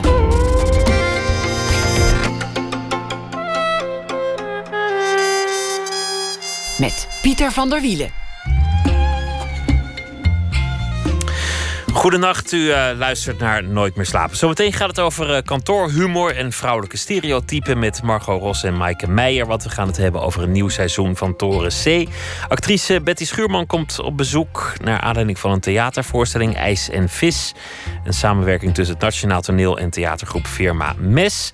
En ook uh, aandacht voor poëzie met F. Starik, die een gedicht zal voordragen. Katelijn Schilder is onze huisschrijver deze week. Zij zal elke nacht een verhaal maken over de voorbije dag. Katelijn, goeienacht. Dag Pieter. Zo, heb ik je alweer aan de telefoon. Zo snel gaat het. Vertel eens over, over de, de dag die achter ons ligt. Ja, vandaag, vandaag was echt een hele uh, zomers mooie dag. Ja, dat heb ik nog eh, meegekregen. Ja, oh, gelukkig. Ja. gelukkig. Nee, ik, ik was, en, uh, ik was vroeg uit de veer hoor. Ik zag het. Ja, de vogeltjes maakte je wel. Of, nee, het is geen vogel okay. die mij kan wekken. Oké, okay, nou, het was, het was de open dag van de schooltuinen in Amsterdam, waar ik woon. En um, schooltuinen, het is natuurlijk wel een heel klein bericht in het grote wereldnieuws... maar ik vind schooltuinen zo'n geweldig fenomeen... dat ik er uh, heel graag een uh, stukje over wilde schrijven. Wat zijn het, schooltuinen? Schooltuinen die zijn honderd uh, jaar geleden ooit opgericht... om hongerige stadskinderen na de Eerste Wereldoorlog wat extra eten te laten verbouwen... Maar inmiddels is het een soort groot, ook landelijk hoor, niet alleen Amsterdam, natuureducatieproject... En de kinderen krijgen dan gewoon een eigen stukje grond. En uh, dat is hun tuintje. En daar mogen ze uh, alles op verbouwen wat ze maar willen. En dat zijn lagere schoolkinderen, basisschool? Ja, ja groep 6, 7. Oh ja. Dus het zijn, ja, het zijn tienduizenden kinderen in Nederland die... Ja, eigenlijk vooral de stadskinderen die dat doen. Oh ja, nee, God, Ja. dat hebben wij nooit gehad toen ik, toen ik klein was. Op, Nee, ja, op de middelbare school had ik wel wel leerlingen die van alles verbouwden, maar dat, eh, dat had niks met een anders. schooltuin te maken. ik kwam uit een dorp, dus wij hadden het ook niet. Want daar had iedereen gewoon eh, zelf een moestuin, zeg maar. Hoefde je daar niet voor naar school. Maar die arme stadskinderen, die moet je natuurlijk een beetje, een beetje wat leren. Goh, ik ben Ja. benieuwd naar het eh, verhaal. Ga je gang. Oké. Het is half zeven 's ochtends en meester Jan opent het hek van HC Vink Schooltuin naast zijn huis in het Frankendaalpark. Het is warm, de lucht strak blauw, maar hij ruikt de herfst al. Over een week of acht rest er daar waar nu honderden zonnebloemen, dahlia's, rode pepers en courgettes groeien, niets dan een kale akker. Liggen er door de kinderen zelf gefiguurzaagde bordjes met hun naam in de open haard en kan er geploegd worden. Zo gaat het al sinds 1922 en zo zal het nog lang blijven. De hele zomervakantie lang, toen de kinderen aan stranden lagen, schelpen zochten, uitsliepen in veel te hete koepeltentjes, kwam hij hier ook elke dag. Als een beschermengel verdreef hij de slakken, wiede onkruid, sloeg scheefgezakte naambordjes recht in de grond en voorzag de steeds schever hangende zonnebloem van een stuk hout om tegenaan te leunen. Over een uur of twee komen de eerste kinderen. Ze begonnen in maart met ieder hun eigen stukje koude modder en oogsten nu een hof van Ede. Vandaag, weet meester Jan, krijgen meer dan 500 moeders van Amsterdam een bos bloemen in een oude krant. Hij rookt nog een checkie, zet een pot koffie die de rest van de dag op het warmhoutplaatje blijft staan en die zo sterk is dat de leerkrachten er hoogstens twee slokken van zullen nemen voordat ze het plastic bekertje in de vensterbank zetten. Ook dat is al bijna 100 jaar hetzelfde. De traditie van de schooltuinen, zo ook in Amsterdam op deze prachtige dag. Katelijn Schilder, dank je wel voor het eh, verhaal en eh, graag weer tot morgen. Graag gedaan. Tot morgen. Tot morgen. De leden van de Belgische groep eh, Balthasar wijden zich dit jaar aan solo-werk. Het zijproject van een van de twee frontmannen heet Warhouse. Het gaat om eh, Maarten de Volderen. Deze week kwam het eh, eerste album daarvan uit. En eh, We Fucked a Flame into Being. En dit nummer vonden wij op dat album Leave With Me.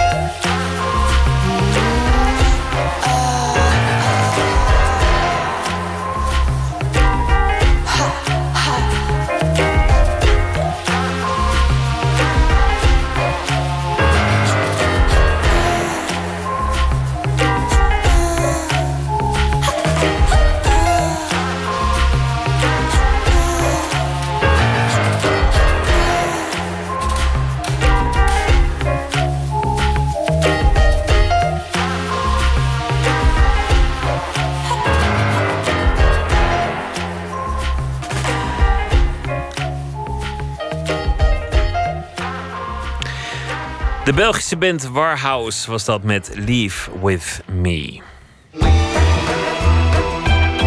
Nooit meer slapen. Een nieuw seizoen van Toren C. Margot Ros en Maaike Meijer kruipen in de huid wederom van zo'n 40 verschillende karakters en personages.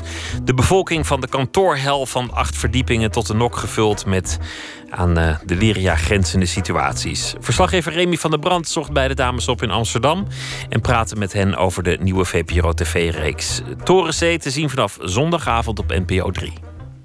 Dit is het zesde seizoen dat we nu eh, inluiden. Met vlag en trom. Waaraan herken je een Belgische bolletjeslikker? Een Belgische bolletjeslikker? Ja. Waaraan herken je die? Weet ik niet. Omdat er een bos tulpen uit zijn reet groeit. En we vragen ons elk jaar ook hardop weer af. Zit er nog genoeg materiaal in bij ons voor Torenzee? Of, of, of was dit het? Het is niet op. Dat heb ik heel duidelijk gevoeld. Je kan wel eens denken... Ik heb wel eens gedacht twee jaar geleden van... Nou, of anderhalf jaar... Nou, het is wel een beetje op. Karel. Ja? Raadsel. Oké. Wat geeft licht en is eetbaar? Wat geeft licht en is eetbaar? Dat zijn van die vragen. Ja. Wat geeft licht en is eetbaar? Jongen, jongen, jongen, jongen, jongen. Ik geef het op. Kaarsfondue. Oh, oh nee, kaars. En deze keer hebben we, en dat kunnen we wel verklappen toch? Hebben we bijvoorbeeld twee eh, nieuwe agentes. Politieagentes, weliswaar heel slecht functionerende agentes, zoals je ook wel van ons kan verwachten. En we hebben ook een ziekenhuisafdeling, waardoor we met z'n tweeën echt eh, heel fijn eindelijk verpleging en slecht presterend eh, eh, cardio-personeel eh, konden spelen. Dus dat is ook heel fijn. Er zitten altijd eh, nieuwe mensen in bij ons. Want eh, wij vinden het ook elk jaar weer leuk om andere types te spelen. Dus wij behouden de types die we zelf, eh, waar, we, waar we nog geen genoeg van hebben. De rest eh, mag naar huis, wordt ontslagen. En dan verzinnen we weer nieuwe mensen. Dus eh, ja, dat is, dat is elk jaar wel zo. Zo. Zo, zo, zo. Wat zien wij er mooi uit vandaag. Zo. Ja, het is uh, collega-dag, dus ik dacht ik neem eh, een plantje mee voor mijn voor mijn collega. Ah, collega-dag. Collega-dag. Ja. Nou, dat zeggen wij.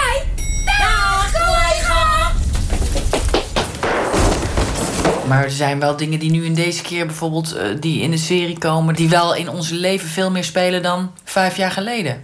Zoals? Nou, dat we ouder worden. Dat je naar een overgang toe kruipt en dat je denkt: oh my god, er is geen hond meer die straks naar me fluit. Dat hebben wij natuurlijk elk jaar. Alleen, ja, elk jaar is ook anders. Net zoals ons leven anders is. Toen we begonnen, deden we allerlei dingen met hele jonge kinderen. en, borstvoeding en luiers. Nou, daar zijn we al heel lang vandaan. De borstpomp.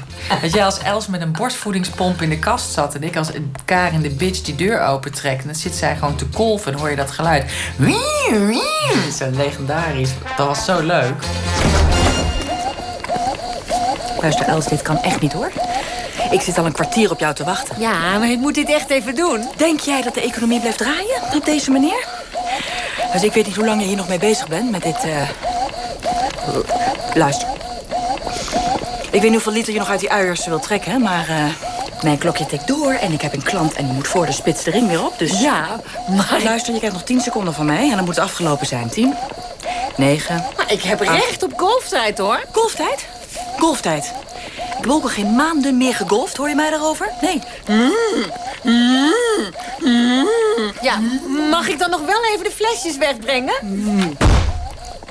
Schaam je jezelf ergens voor? Zitten er sketches in dat je denkt... oh, dit zou ik echt... eh, het zou mij kunnen overkomen? Alleen maar. Ja, want we schrijven het natuurlijk Alleen ook. maar, Dus ja. je moet toch bij jezelf ook de schaamte aanboren.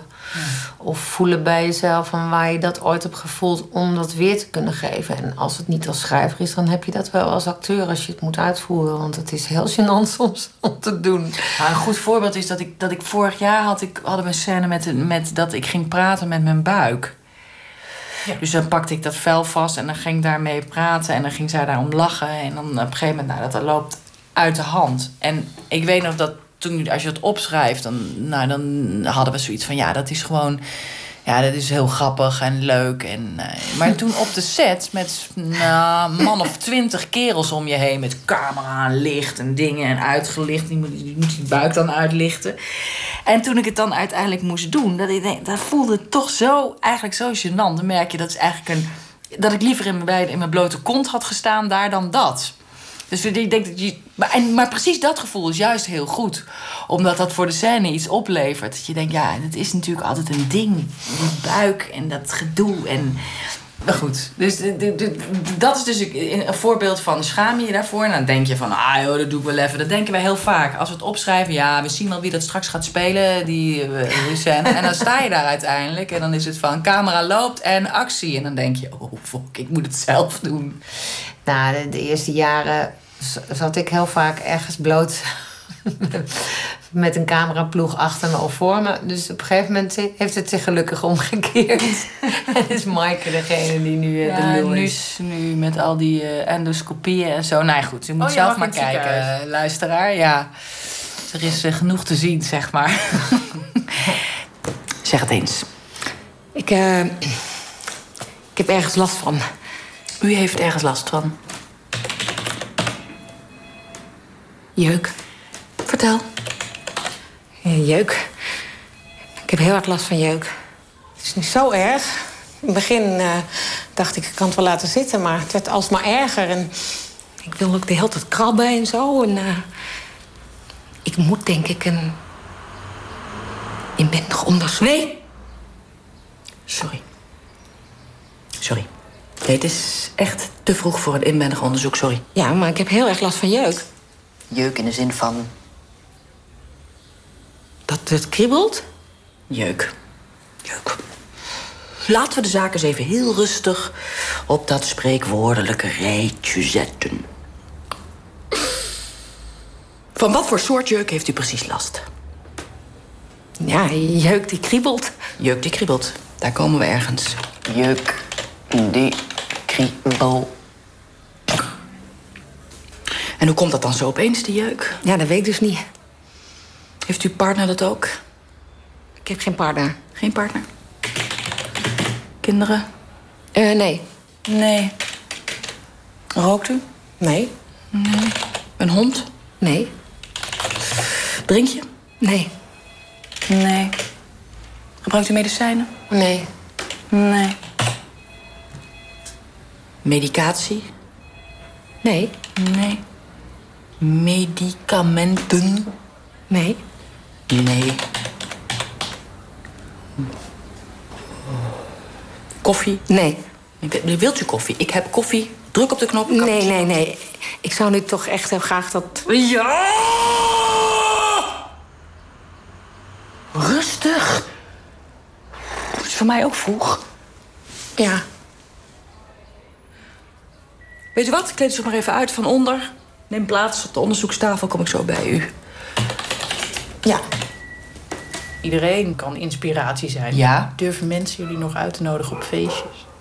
Nou, ik heb wel heel vaak dat ik de opmerking krijg van vrienden, familie of om van, oh, dat is zeker weer een scène. Of oh ja, daar komt weer een scène aan, dat wel. Dat vind ik, heb ik ook wel. Dat vind ik soms wel een beetje moeilijk. Heb jij dat ook? Dat is net alsof ik daar... eh, alsof ik een verrader ben in het gezelschap. Alsof ik niet helemaal eh, vanuit een veilige... veiligheid daar in zo'n, eh, op zo'n feest. Want het zijn niet vrienden of vriendinnen, maar dat zijn wel mensen die iets verder van me afstaan. Die zeggen dat. Dan denk ik, oh ja, ik, als, ja, alsof ik een verrader ben en hun verhalen dan gaan misbruiken. Maar dat, Maar het zegt wel iets over hoe ze naar ons kijken misschien. Van, oh ja, dat vuile ze- verraders. Ja, ik zie wel soms dat mensen naar mij kijken met een blik van... oh, zij gaat vast hier iets mee doen. Maar Dat- aan de andere kant heb je ook mensen die zeggen... oh, ik heb van de week echt een Torensee-situatie. Ja, ja. Dat is, weet ik nog de eerste keer dat ik, hoor, dat ik hoorde dat iemand dat zei... was ik echt heel trots. dacht ik, oh, mensen gaan, gaan het ongemak van onze serie... wat wij proberen over te brengen... en, en, de, en de pijn en, en het zoekende van de mensen... gaan zij zelf in hun eigen leven zien. En dat, dat vind ik heel leuk. Want dat geeft ook een relativering van je eigen shit. Daar, dat vind ik zelf heel belangrijk. Dus... Dat, dat heb ik wel heel vaak. Ja, en dan zeg ik ook altijd: Oh, zeg, wat, wat, wat was het? Wat was het? Dan kunnen we het gebruiken. Ja, ja het was iets. En dan komt er. En dan was het helemaal geen torensee-scène. En dan zeg ik: Oh ja, ja, leuk. Maar dan denk ik: Ja, hoe ga ik daar nou een scène van Maar maken? het is wel waar dat het een soort... eh, Ja, misschien hoop je dat dat, dat echt zo, zoals B zoveel dingen hebben die in groene boekjes zijn gekomen en terecht allemaal gewoon briljante woorden hebben bedacht voor situaties. Want daar komt het eigenlijk op neer. Dat, dat ik hoop dat het ooit dat het gegeven een Toren C-moment... dat zit wel heel dicht in de buurt van dat het in een goed boekje terecht gaat komen. Want En Jiske Vet had het natuurlijk ook een beetje. ja, ja natuurlijk. Ja, ja. Goeiesmorgens. Ja. Dat zeggen wij trouwens ook heel vaak op de set. Goeiesmorgens. Ik wil eigenlijk wil ik al jaren, maar toch elke keer doen we het niet. Wil ik al jaren iemand spelen die dat doet op, eh, op kantoor bij ons. Want ja, er zijn natuurlijk nog steeds mensen die Jiske Vet fan zijn. Zo, deze morgen, Edgar. Goeiemorgens, Jos. Maar ik dacht, hoe leuk is het dat we dan in onze serie iemand hebben die dat nog steeds blijft zeggen. en naar zijn brood kijkt. En tegen de zuidvruchten zeggen wij toedeledokie. Torenzee, eh, het zesde seizoen alweer vanaf komende zondagavond te zien op NPO 3 om tien over negen. U hoorde Margot Ros en Maaike Meijer van dat eh, programma. En ze werken nu ook aan het script eh, voor een film trouwens. En dat wordt niet een film van Torenzee, maar gewoon een lange speelfilm met lange scènes en één personage per persoon. Kortom, iets heel anders. Maar daar zijn ze wel mee bezig. Uit Schotland, singer-songwriter Kenny Anderson, beter bekend als King Creosote. Heeft al zo'n 40 albums gemaakt. Afgelopen maand maakte hij er weer een. Astronaut meets Appleman. En dit nummer staat erop. Wake up to his.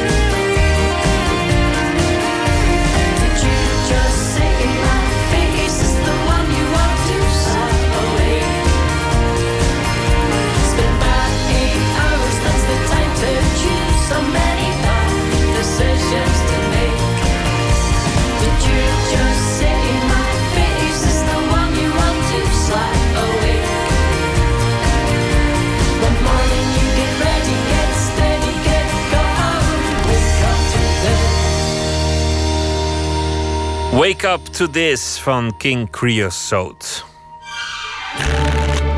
Open kaart. De rubriek Open Kaart. De gast die trekt kaart uit een bak. 150 vragen staan erop over werk en leven. En vannacht is eh, te gast actrice Betty Schuurman. Ze is bekend van filmtheater en televisie. Speelde in bioscoopfilms als Karakter en De Tweeling. In series op tv als Baantje en Grijpstaan en De Gier. En ze had ook eh, een rol in vele toneelvoorstellingen... en de musical Soldaat van Oranje. En er komt nu een eh, nieuwe voorstelling aan op locatie. IJs en Vis eh, gaat het heten. En dat gaat over twee middenstandsorganisaties in Den Haag. Namelijk het familiebedrijf de ijssalon Florentia... en de vishandelaars van de Scheveningse familie Simonus. Hartelijk welkom, eh, Betty Schuurman. Dankjewel. Laten we meteen voor we over de voorstelling beginnen... gewoon een kaart trekken en kijken wat erop staat. Oh jee. Spannend. Geloof je in de toekomst, staat hier. Ja. Zeker nu ik eh, eh, met eh, de firma Mes en Corso en Rabarber... Die, dat is een samenwerking, de, de, waar, de voorstelling waar ik nu voor werk. met allemaal jonge mensen. En ik geloof enorm in ze. Ik zei vanavond nog, want we hadden een soort. Eh, ja, a- een test, met, testpubliek kijken, want ze hebben van alles bedacht. Maar ja, dan moet je natuurlijk, eh, eh, hoe noem je dat? Eh, eh, in, wat is het? The proof is in the eating of the pudding. Want ze hebben, van, ze hebben iets heel moois verzonnen en ik doe mee. Maar soms denk ik, oei oei.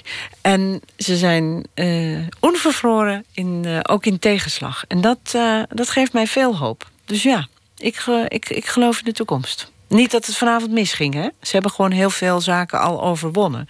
En die blijken dus ook goed te gaan. En ze zijn enthousiast. Ze kunnen mij heel goed overhalen om dingen te doen waarvan ik dan denk... Is dat nou wel wat? Ja, ja. ja En, in, in bredere zin in de toekomst, want in, in de cultuursector waar jij toch in werkt, was het de laatste jaren af en toe wel heel somber. Niet, niet, nou, niet, de laatste jaren. Dus dat is somber. Ja. Ja, maar er wordt altijd zoveel in het café gebeurd. na afloop prachtige voorstelling gemaakt. En dan, dan is al vrij snel de jolijt eraf. Want dan, dan wordt er toch gesomberd van het wordt minder, het was beter, eh, het is moeilijk, het wordt alleen maar erger. Ehm, nou, ik denk dat dat dat meer te maken heeft met het feit dat de mensen zo verwond zijn door, door die termen als linkse hobby en zo. Dat, eh, dat moet nu echt gewoon over zijn. Dat, er wordt verschrikkelijk hard gewerkt. En eh, ja, er moet bezuinigd worden. Dus dat is, dat, dat, eh, dat is hard. Dat is niet heel fraai wat er allemaal gebeurt. En ook heel verdrietig. Maar desalniettemin geloof je ook daar in de toekomst dat er een tijd zal zijn Oh, dat, dat, dat alles weer zijn plek vindt. Ja, daar geloof ik in. Het zal wel, het zal wel even. We, zijn, we lopen nu wel met z'n allen in de woestijn. En dan ben ik nog, eh, heb ik nog een goede parasol, zou ik maar zeggen. Maar ik, ja, het is. eh, we moeten niet verzaken. En ik, ik merk om me heen dat er ook heel veel, eh, ook weer heel veel energie vrijkomt. Hè? Want als je boos, eerst ben je natuurlijk verdrietig en liggen, liggen de mensen op de grond. Maar er, er ontstaan ook allerlei initiatieven om eh, terug te vechten. En eh, bijvoorbeeld jonge mensen, als ze nu een kunststudie gaan doen of, of theater maken, dan vind ik dat heel erg knap. En ze zijn er en ze willen het nog steeds. Ik had vroeger een leraar, hij leeft helaas niet meer, René Lobo. En die, zei, die ging alle tegenslagen opnoemen. En dan zei hij, wat doe je hier? Wat doe je hier? Waarom wil je dit doen? Want het is eh, slecht betaald, je werkt veel te hard... je krijgt te maken met dédain. En nou ja, die noemde allerlei dingen op waarvan je dacht... goeie god. En dan zei hij, zei hij aan het eind van het verhaal... zei hij, tenzij je echt moet, dan moet je hier zijn. En Oh, wat we- mooi, wat prachtig. En dan gaan we het ook doen. Het is niet, niet een baan die je uitkiest, het is een drang die je moet hebben. En Ja. als, dat er niet is, nou ja. Het is een hartstocht. En misschien ook wel een roeping. Ja, dat is ook wel zo. Ja, ja. En Wat- dat zie ik wel mooi. om me heen hoor. Ik zie dat ook bij jonge mensen. Ik zie dat ook bij mensen van mijn eigen leeftijd. Die nog steeds eh, eh, eh, vol verven erin gaan. Terwijl het landschap is... ehm, het theaterlandschap, maar ook het kunstlandschap.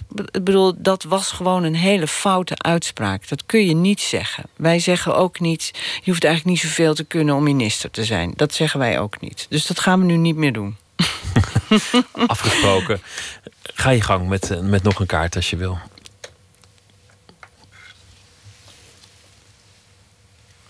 Wat weet je nu dat je liever eerder had geweten?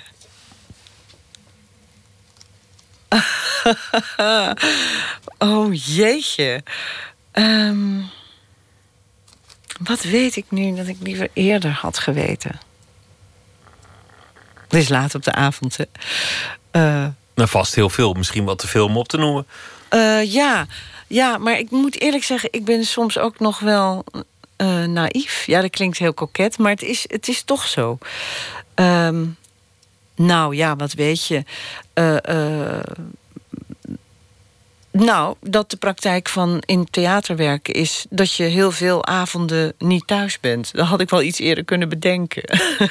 He- Heeft dat schade opgeleverd, dat, dat van huis zijn? Eh, ja, daardoor heb je wel soms dat je. Ik heb het op een gegeven moment natuurlijk wel doorgekregen.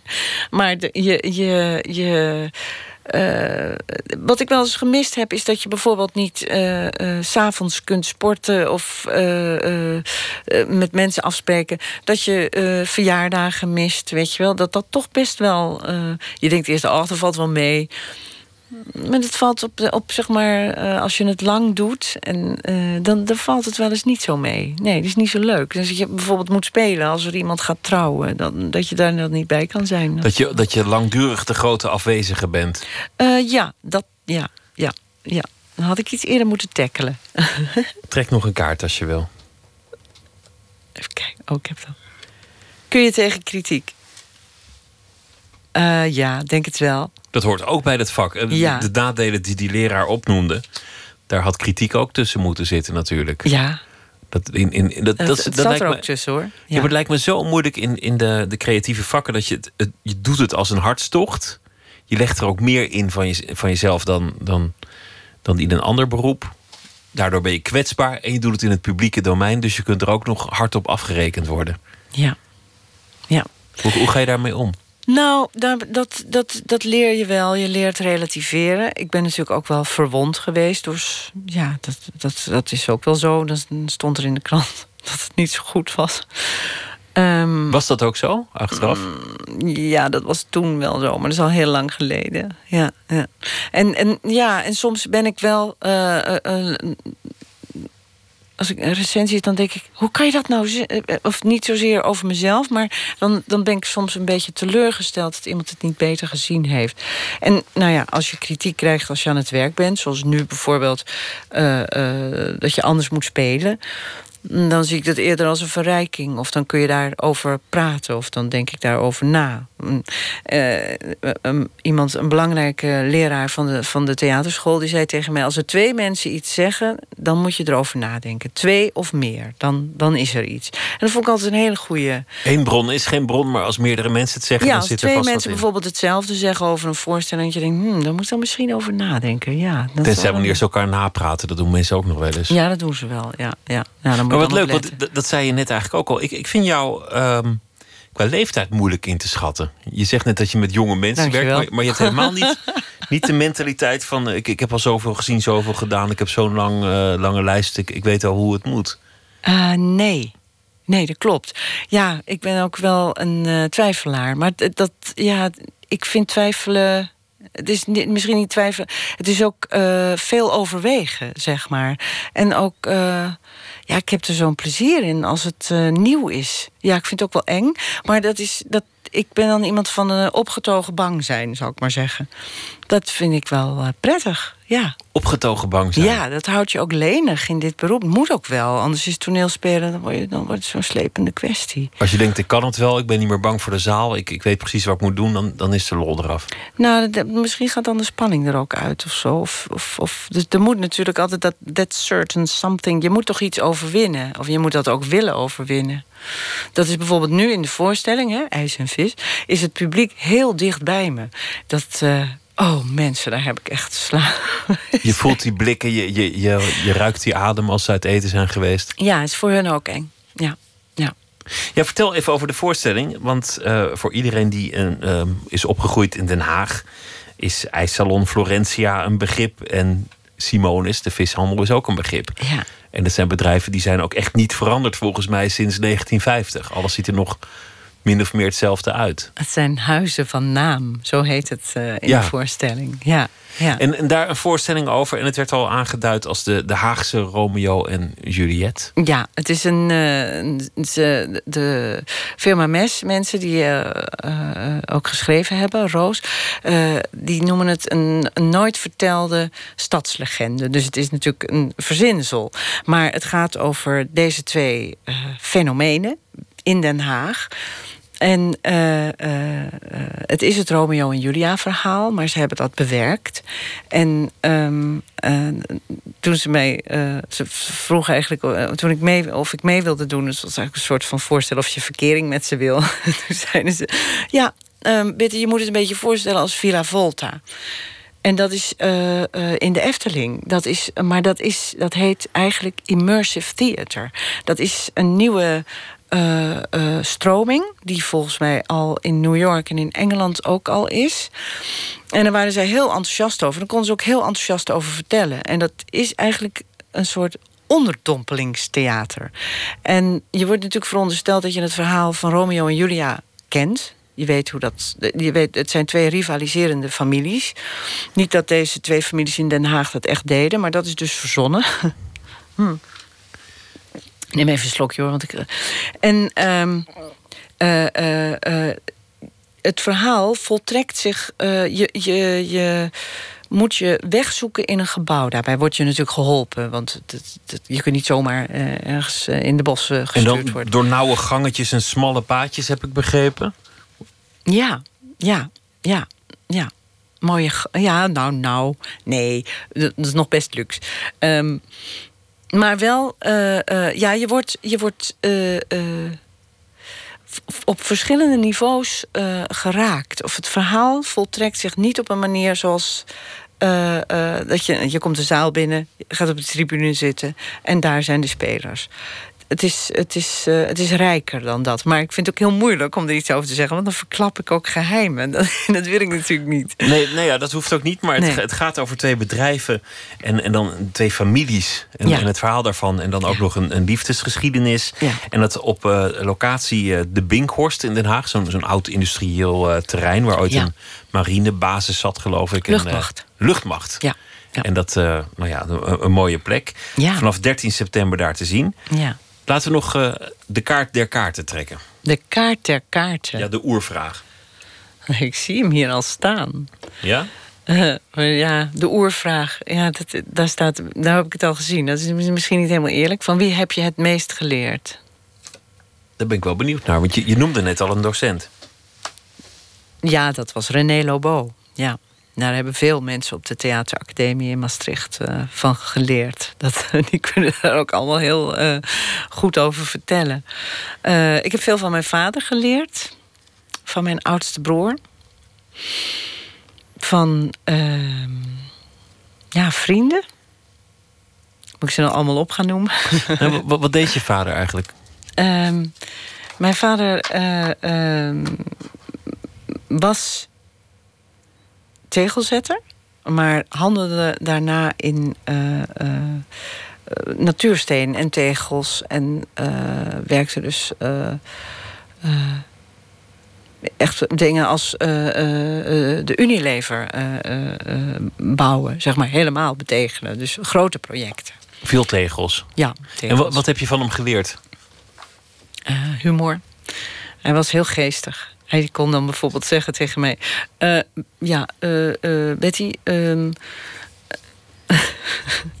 kennis, kennis is macht, maar kennissen is nog veel meer macht. En dat vond ik altijd heel grappig. Ja, en hij, vond ook, hij, hij kon goed relativeren. Hij had een heel goed gevoel voor humor. En hij was brutaal. Hij zei bijvoorbeeld ook altijd tegen mij, als ik dan zei: Ja, pap, en ik weet niet, waar heb ik niet zo zin in, ik ga er niet naartoe. En dan zei hij altijd: Ga nou even kijken, dan weet je, je weet je. Vind ik ook een hele goeie. Vond ik een hele goeie. Ik doe dat ook heel vaak. Dan denk ik, ja, want je kan wel bevooroordeeld zijn en zeggen... nou nee, daar gaan we niet naartoe. Dat, dat vond hij geen, eh, geen insteek. Dan zei altijd, nee, je moet even gaan kijken... want dan weet je, je weet je. Kunt niet zomaar... En je moest mensen als mensen behandelen. Je mocht nooit eh, op iemand neerkijken. Oh, dat vind ik ook heel mooi. Vond ik een hele goede les. En ga maar even kijken, dan weet je, je weet je. Vanaf 13 september in Den Haag op locatie. IJs en Vis heet eh, de voorstelling. Ja, en vrij parkeren voor de deur. Ik zeg het nog maar nou, even. waar vind je het nog? Alleen- Alleen daarom zou je al moeten gaan. Betty Schuurman, dank je wel. Alsjeblieft. Een nieuw album van eh, de band uit Chicago, Wilco. Het eh, heeft als titel Schmilko en het nummer heet Someone to Lose.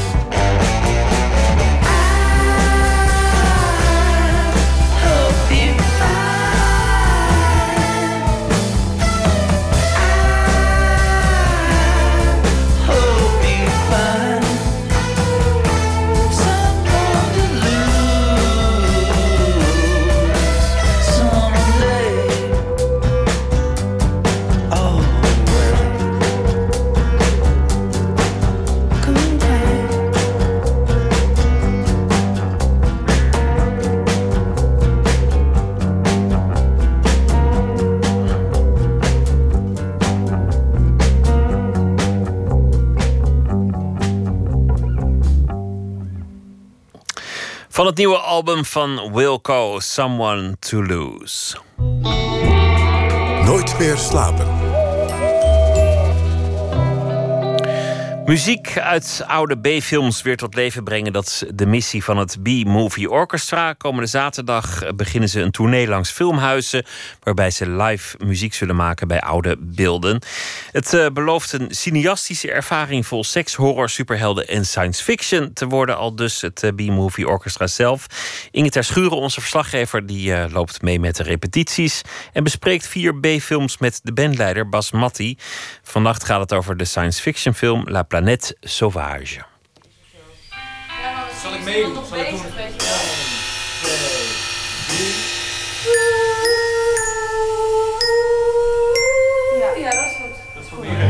Dan is dat de op... Dan is dat, ja. Ik denk eh, misschien wel, misschien behoort hij wel tot de allerbeste animatiefilms ooit gemaakt hoor. Dus, dus als, ik dat, als mensen dan horen dat B-Movie Orchestra dat gebruikt, misschien zijn er wel een aantal mensen zwaar beledigd.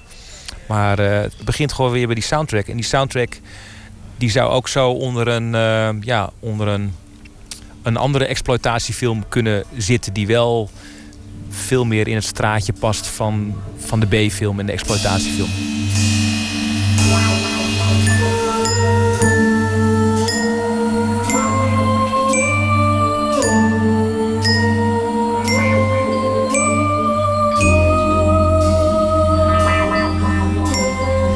La Planète Sauvage, oftewel De Barbaarse Planeet, is een Franse animatiefilm uit 1973, waarin de mens is onderworpen door een kolossaal buitenaards ras. Er barst een grimmige strijd los tussen mens en buitenaardse wezens, waarin ze uiteindelijk voor de keuze komen te staan: leren samenleven of elkaar te gronden richten. Het is toch weer een verandering van, van spijs eh, om in één keer een animatiefilm te hebben. En eh, in dit geval is het wel zo'n beetje zo'n serieuze animatiefilm. Een soort science fiction met een bepaalde boodschap, een soort spiegel naar de, naar de mensheid toe. Ehm, maar animatie heeft eigenlijk best wel vaak veel te maken met wat exploitatiefilm ook doet. Dus het zijn ook vaak uitvergrotingen en, en clichés. En Superman heb je bijvoorbeeld, maar ook als het gaat over erotica. Als je in een stripwinkel komt, eh, ga in Rome naar een stripwinkel en zoek in bij de tweedehands eh, boeken. De tweedehands stripboeken, dan kom je eigenlijk, ja, dan kom je dat allemaal tegen, maar dan in, in stripvorm. Dus ehm, ja, vond ik wel leuk om dat dit keer met deze eh, Pocket Edition, waar we nu deze tour mee doen, de Filmhuistour, om dat eh, te gebruiken.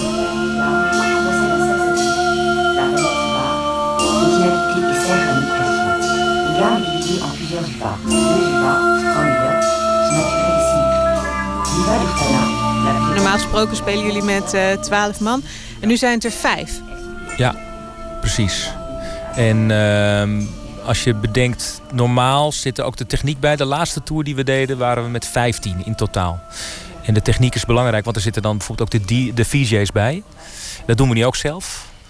En het geluid doen we eigenlijk ook grotendeels zelf, gewoon op het podium.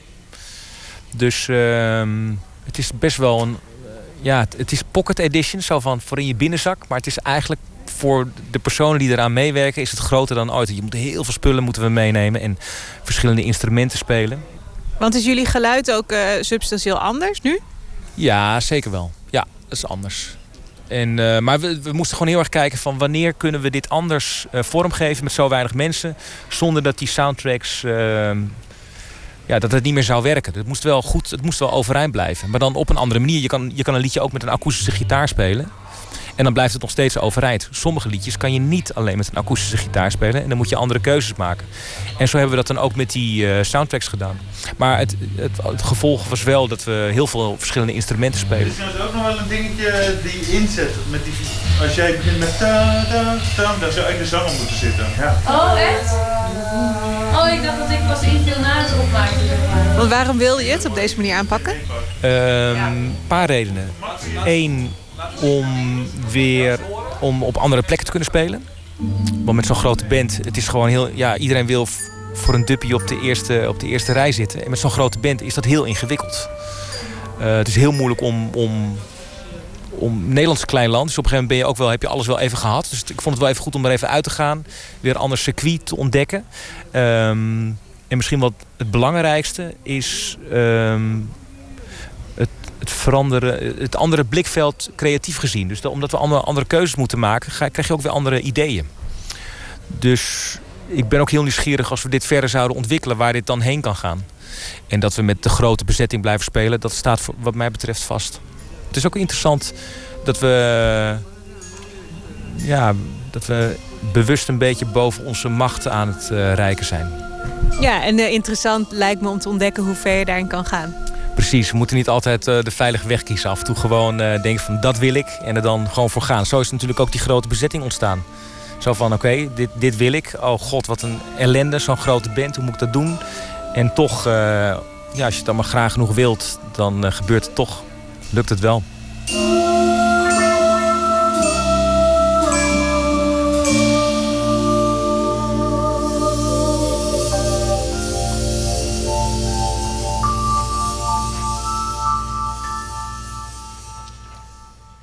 Bandleider Bas Matti over Planet Sauvage was dat. En de filmhuistour van het B-Movie Orchestra begint aanstaande zaterdag in Haarlem.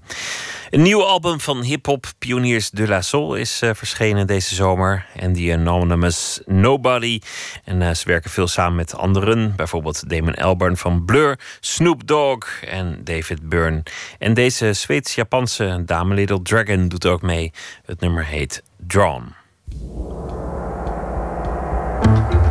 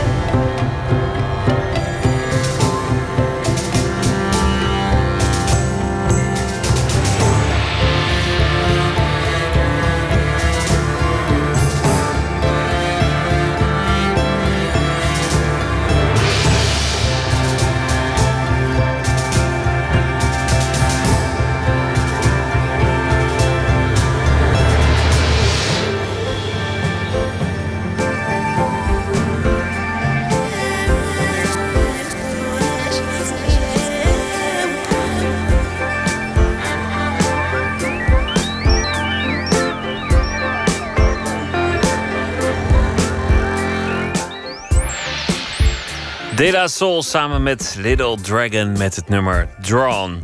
F. Starik zal deze week elke nacht afsluiten met een gedicht. Hij is eh, dichter en deze week kiest hij elke nacht zelf een van zijn gedichten uit om voor te dragen en ook toe te lichten.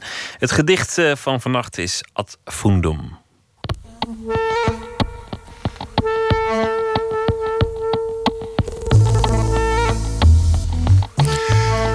Ad fundum. Als je aan de mensen denkt die dood zijn, aan de mensen die je hebt gekend en die nu elders leven. Als je aan de mensen denkt die onderweg zijn uitgestapt of weggereden, in de kuil gevallen, moe gestreden. Als je aan die mensen denkt, die mensen die al lang zijn overleden en aan die van maar een week geleden. Als je al aan al die mensen denkt, dan denk je meest, ze zijn al met zoveel. Mag die beker mij nu eens passeren? Je snapt heus wel dat we niet allemaal voor eeuwig kunnen blijven leven. Maar jij, je bent niet eens erg oud, al beginnen je de jaren zichtbaar op te breken. Jij bent niet van het soort dat geneigd is om te smeken. Jij moet niets hebben van een hoger wezen dat zo slordig omspringt met het grootste dat ons is gegeven. Duif van honderd pond, leven, godverdomme, en heel lang nog. Weg met de dood. Een gedicht dat ik heb geschreven naar aanleiding van de dood van de beste vriend van mijn geliefde. Dat viel in een tijdperk dat er voortdurend om ons heen slachtoffers vielen. Dat ik er op een gegeven moment gewoon echt zagrijnig van eh, werd, van al die dood. Ik heb natuurlijk altijd een hoop dood om me heen, omdat ik ook de eenzame uitvaart doe. Maar dat leidt uiteindelijk ook tot de gedachte van... eh, zou het niet handiger zijn als we gewoon allemaal tegelijk doodgingen... in de plaats van één voor één. En dat er telkens weer iemand uit je leven wordt gerukt. Dat is eigenlijk zo verschrikkelijk vervelend. Dat de dood zich zo dikwijls en op zulke onverdachte momenten... eh, op de voorgrond dringt. Zou daar niet een prettiger regeling voor te bedenken zijn? Ad fundum, dat is eh, dat je je beker eh, in één teug volledig achterover slaat. Dat is voor mij een, eh, een beeld van gulzigheid, gretigheid om te leven. En dus ook om de dood op afstand te houden. Ad fundum. Als je aan de mensen denkt die dood zijn aan de mensen die je hebt gekend en die elders leven. Als je aan de mensen denkt die onderweg zijn uitgestapt of weggereden, in de kuil gevallen, moe gestreden. Als je aan die mensen denkt, de mensen die al lang zijn overleden en aan die van maar een week geleden. Als je al aan al die mensen denkt, dan denk je meest, ze zijn al met zoveel. Mag die beker mij nu eens passeren? Je snapt heus wel dat we niet allemaal voor eeuwig kunnen blijven leven. Maar jij, je bent niet eens erg oud, al beginnen je de jaren zichtbaar op te breken. Jij bent niet van het soort dat geneigd is om te smeken. Jij moet niets hebben van een hoger wezen dat zo slordig omspringt met het grootste dat ons is gegeven. Duif van honderd pond. Leven, godverdomme, en heel lang nog. Weg met de dood.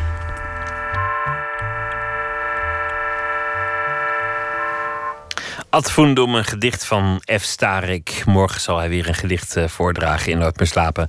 Dan is eh, te gast de Vlaamse actrice, regisseur en vormgever Sarah Moeremans. Die eh, onder meer bij het Rood Theater en de Veenfabriek heeft gewerkt. En het Toneelhuis. En ze heeft een nieuwe voorstelling, Crash Ibsen. En daarin gaat ze de toneelklassiekers van Hendrik Ibsen op de actualiteit testen. En de derde editie van deze reeks heet Ik zie spoken. En het gaat over de hedendaagse neurotische drang alles te willen controleren. En het is dan ook een pleidooi voor het risico. Dat morgen in Nooit meer slapen. Voor nu een goede nacht en graag weer tot dan.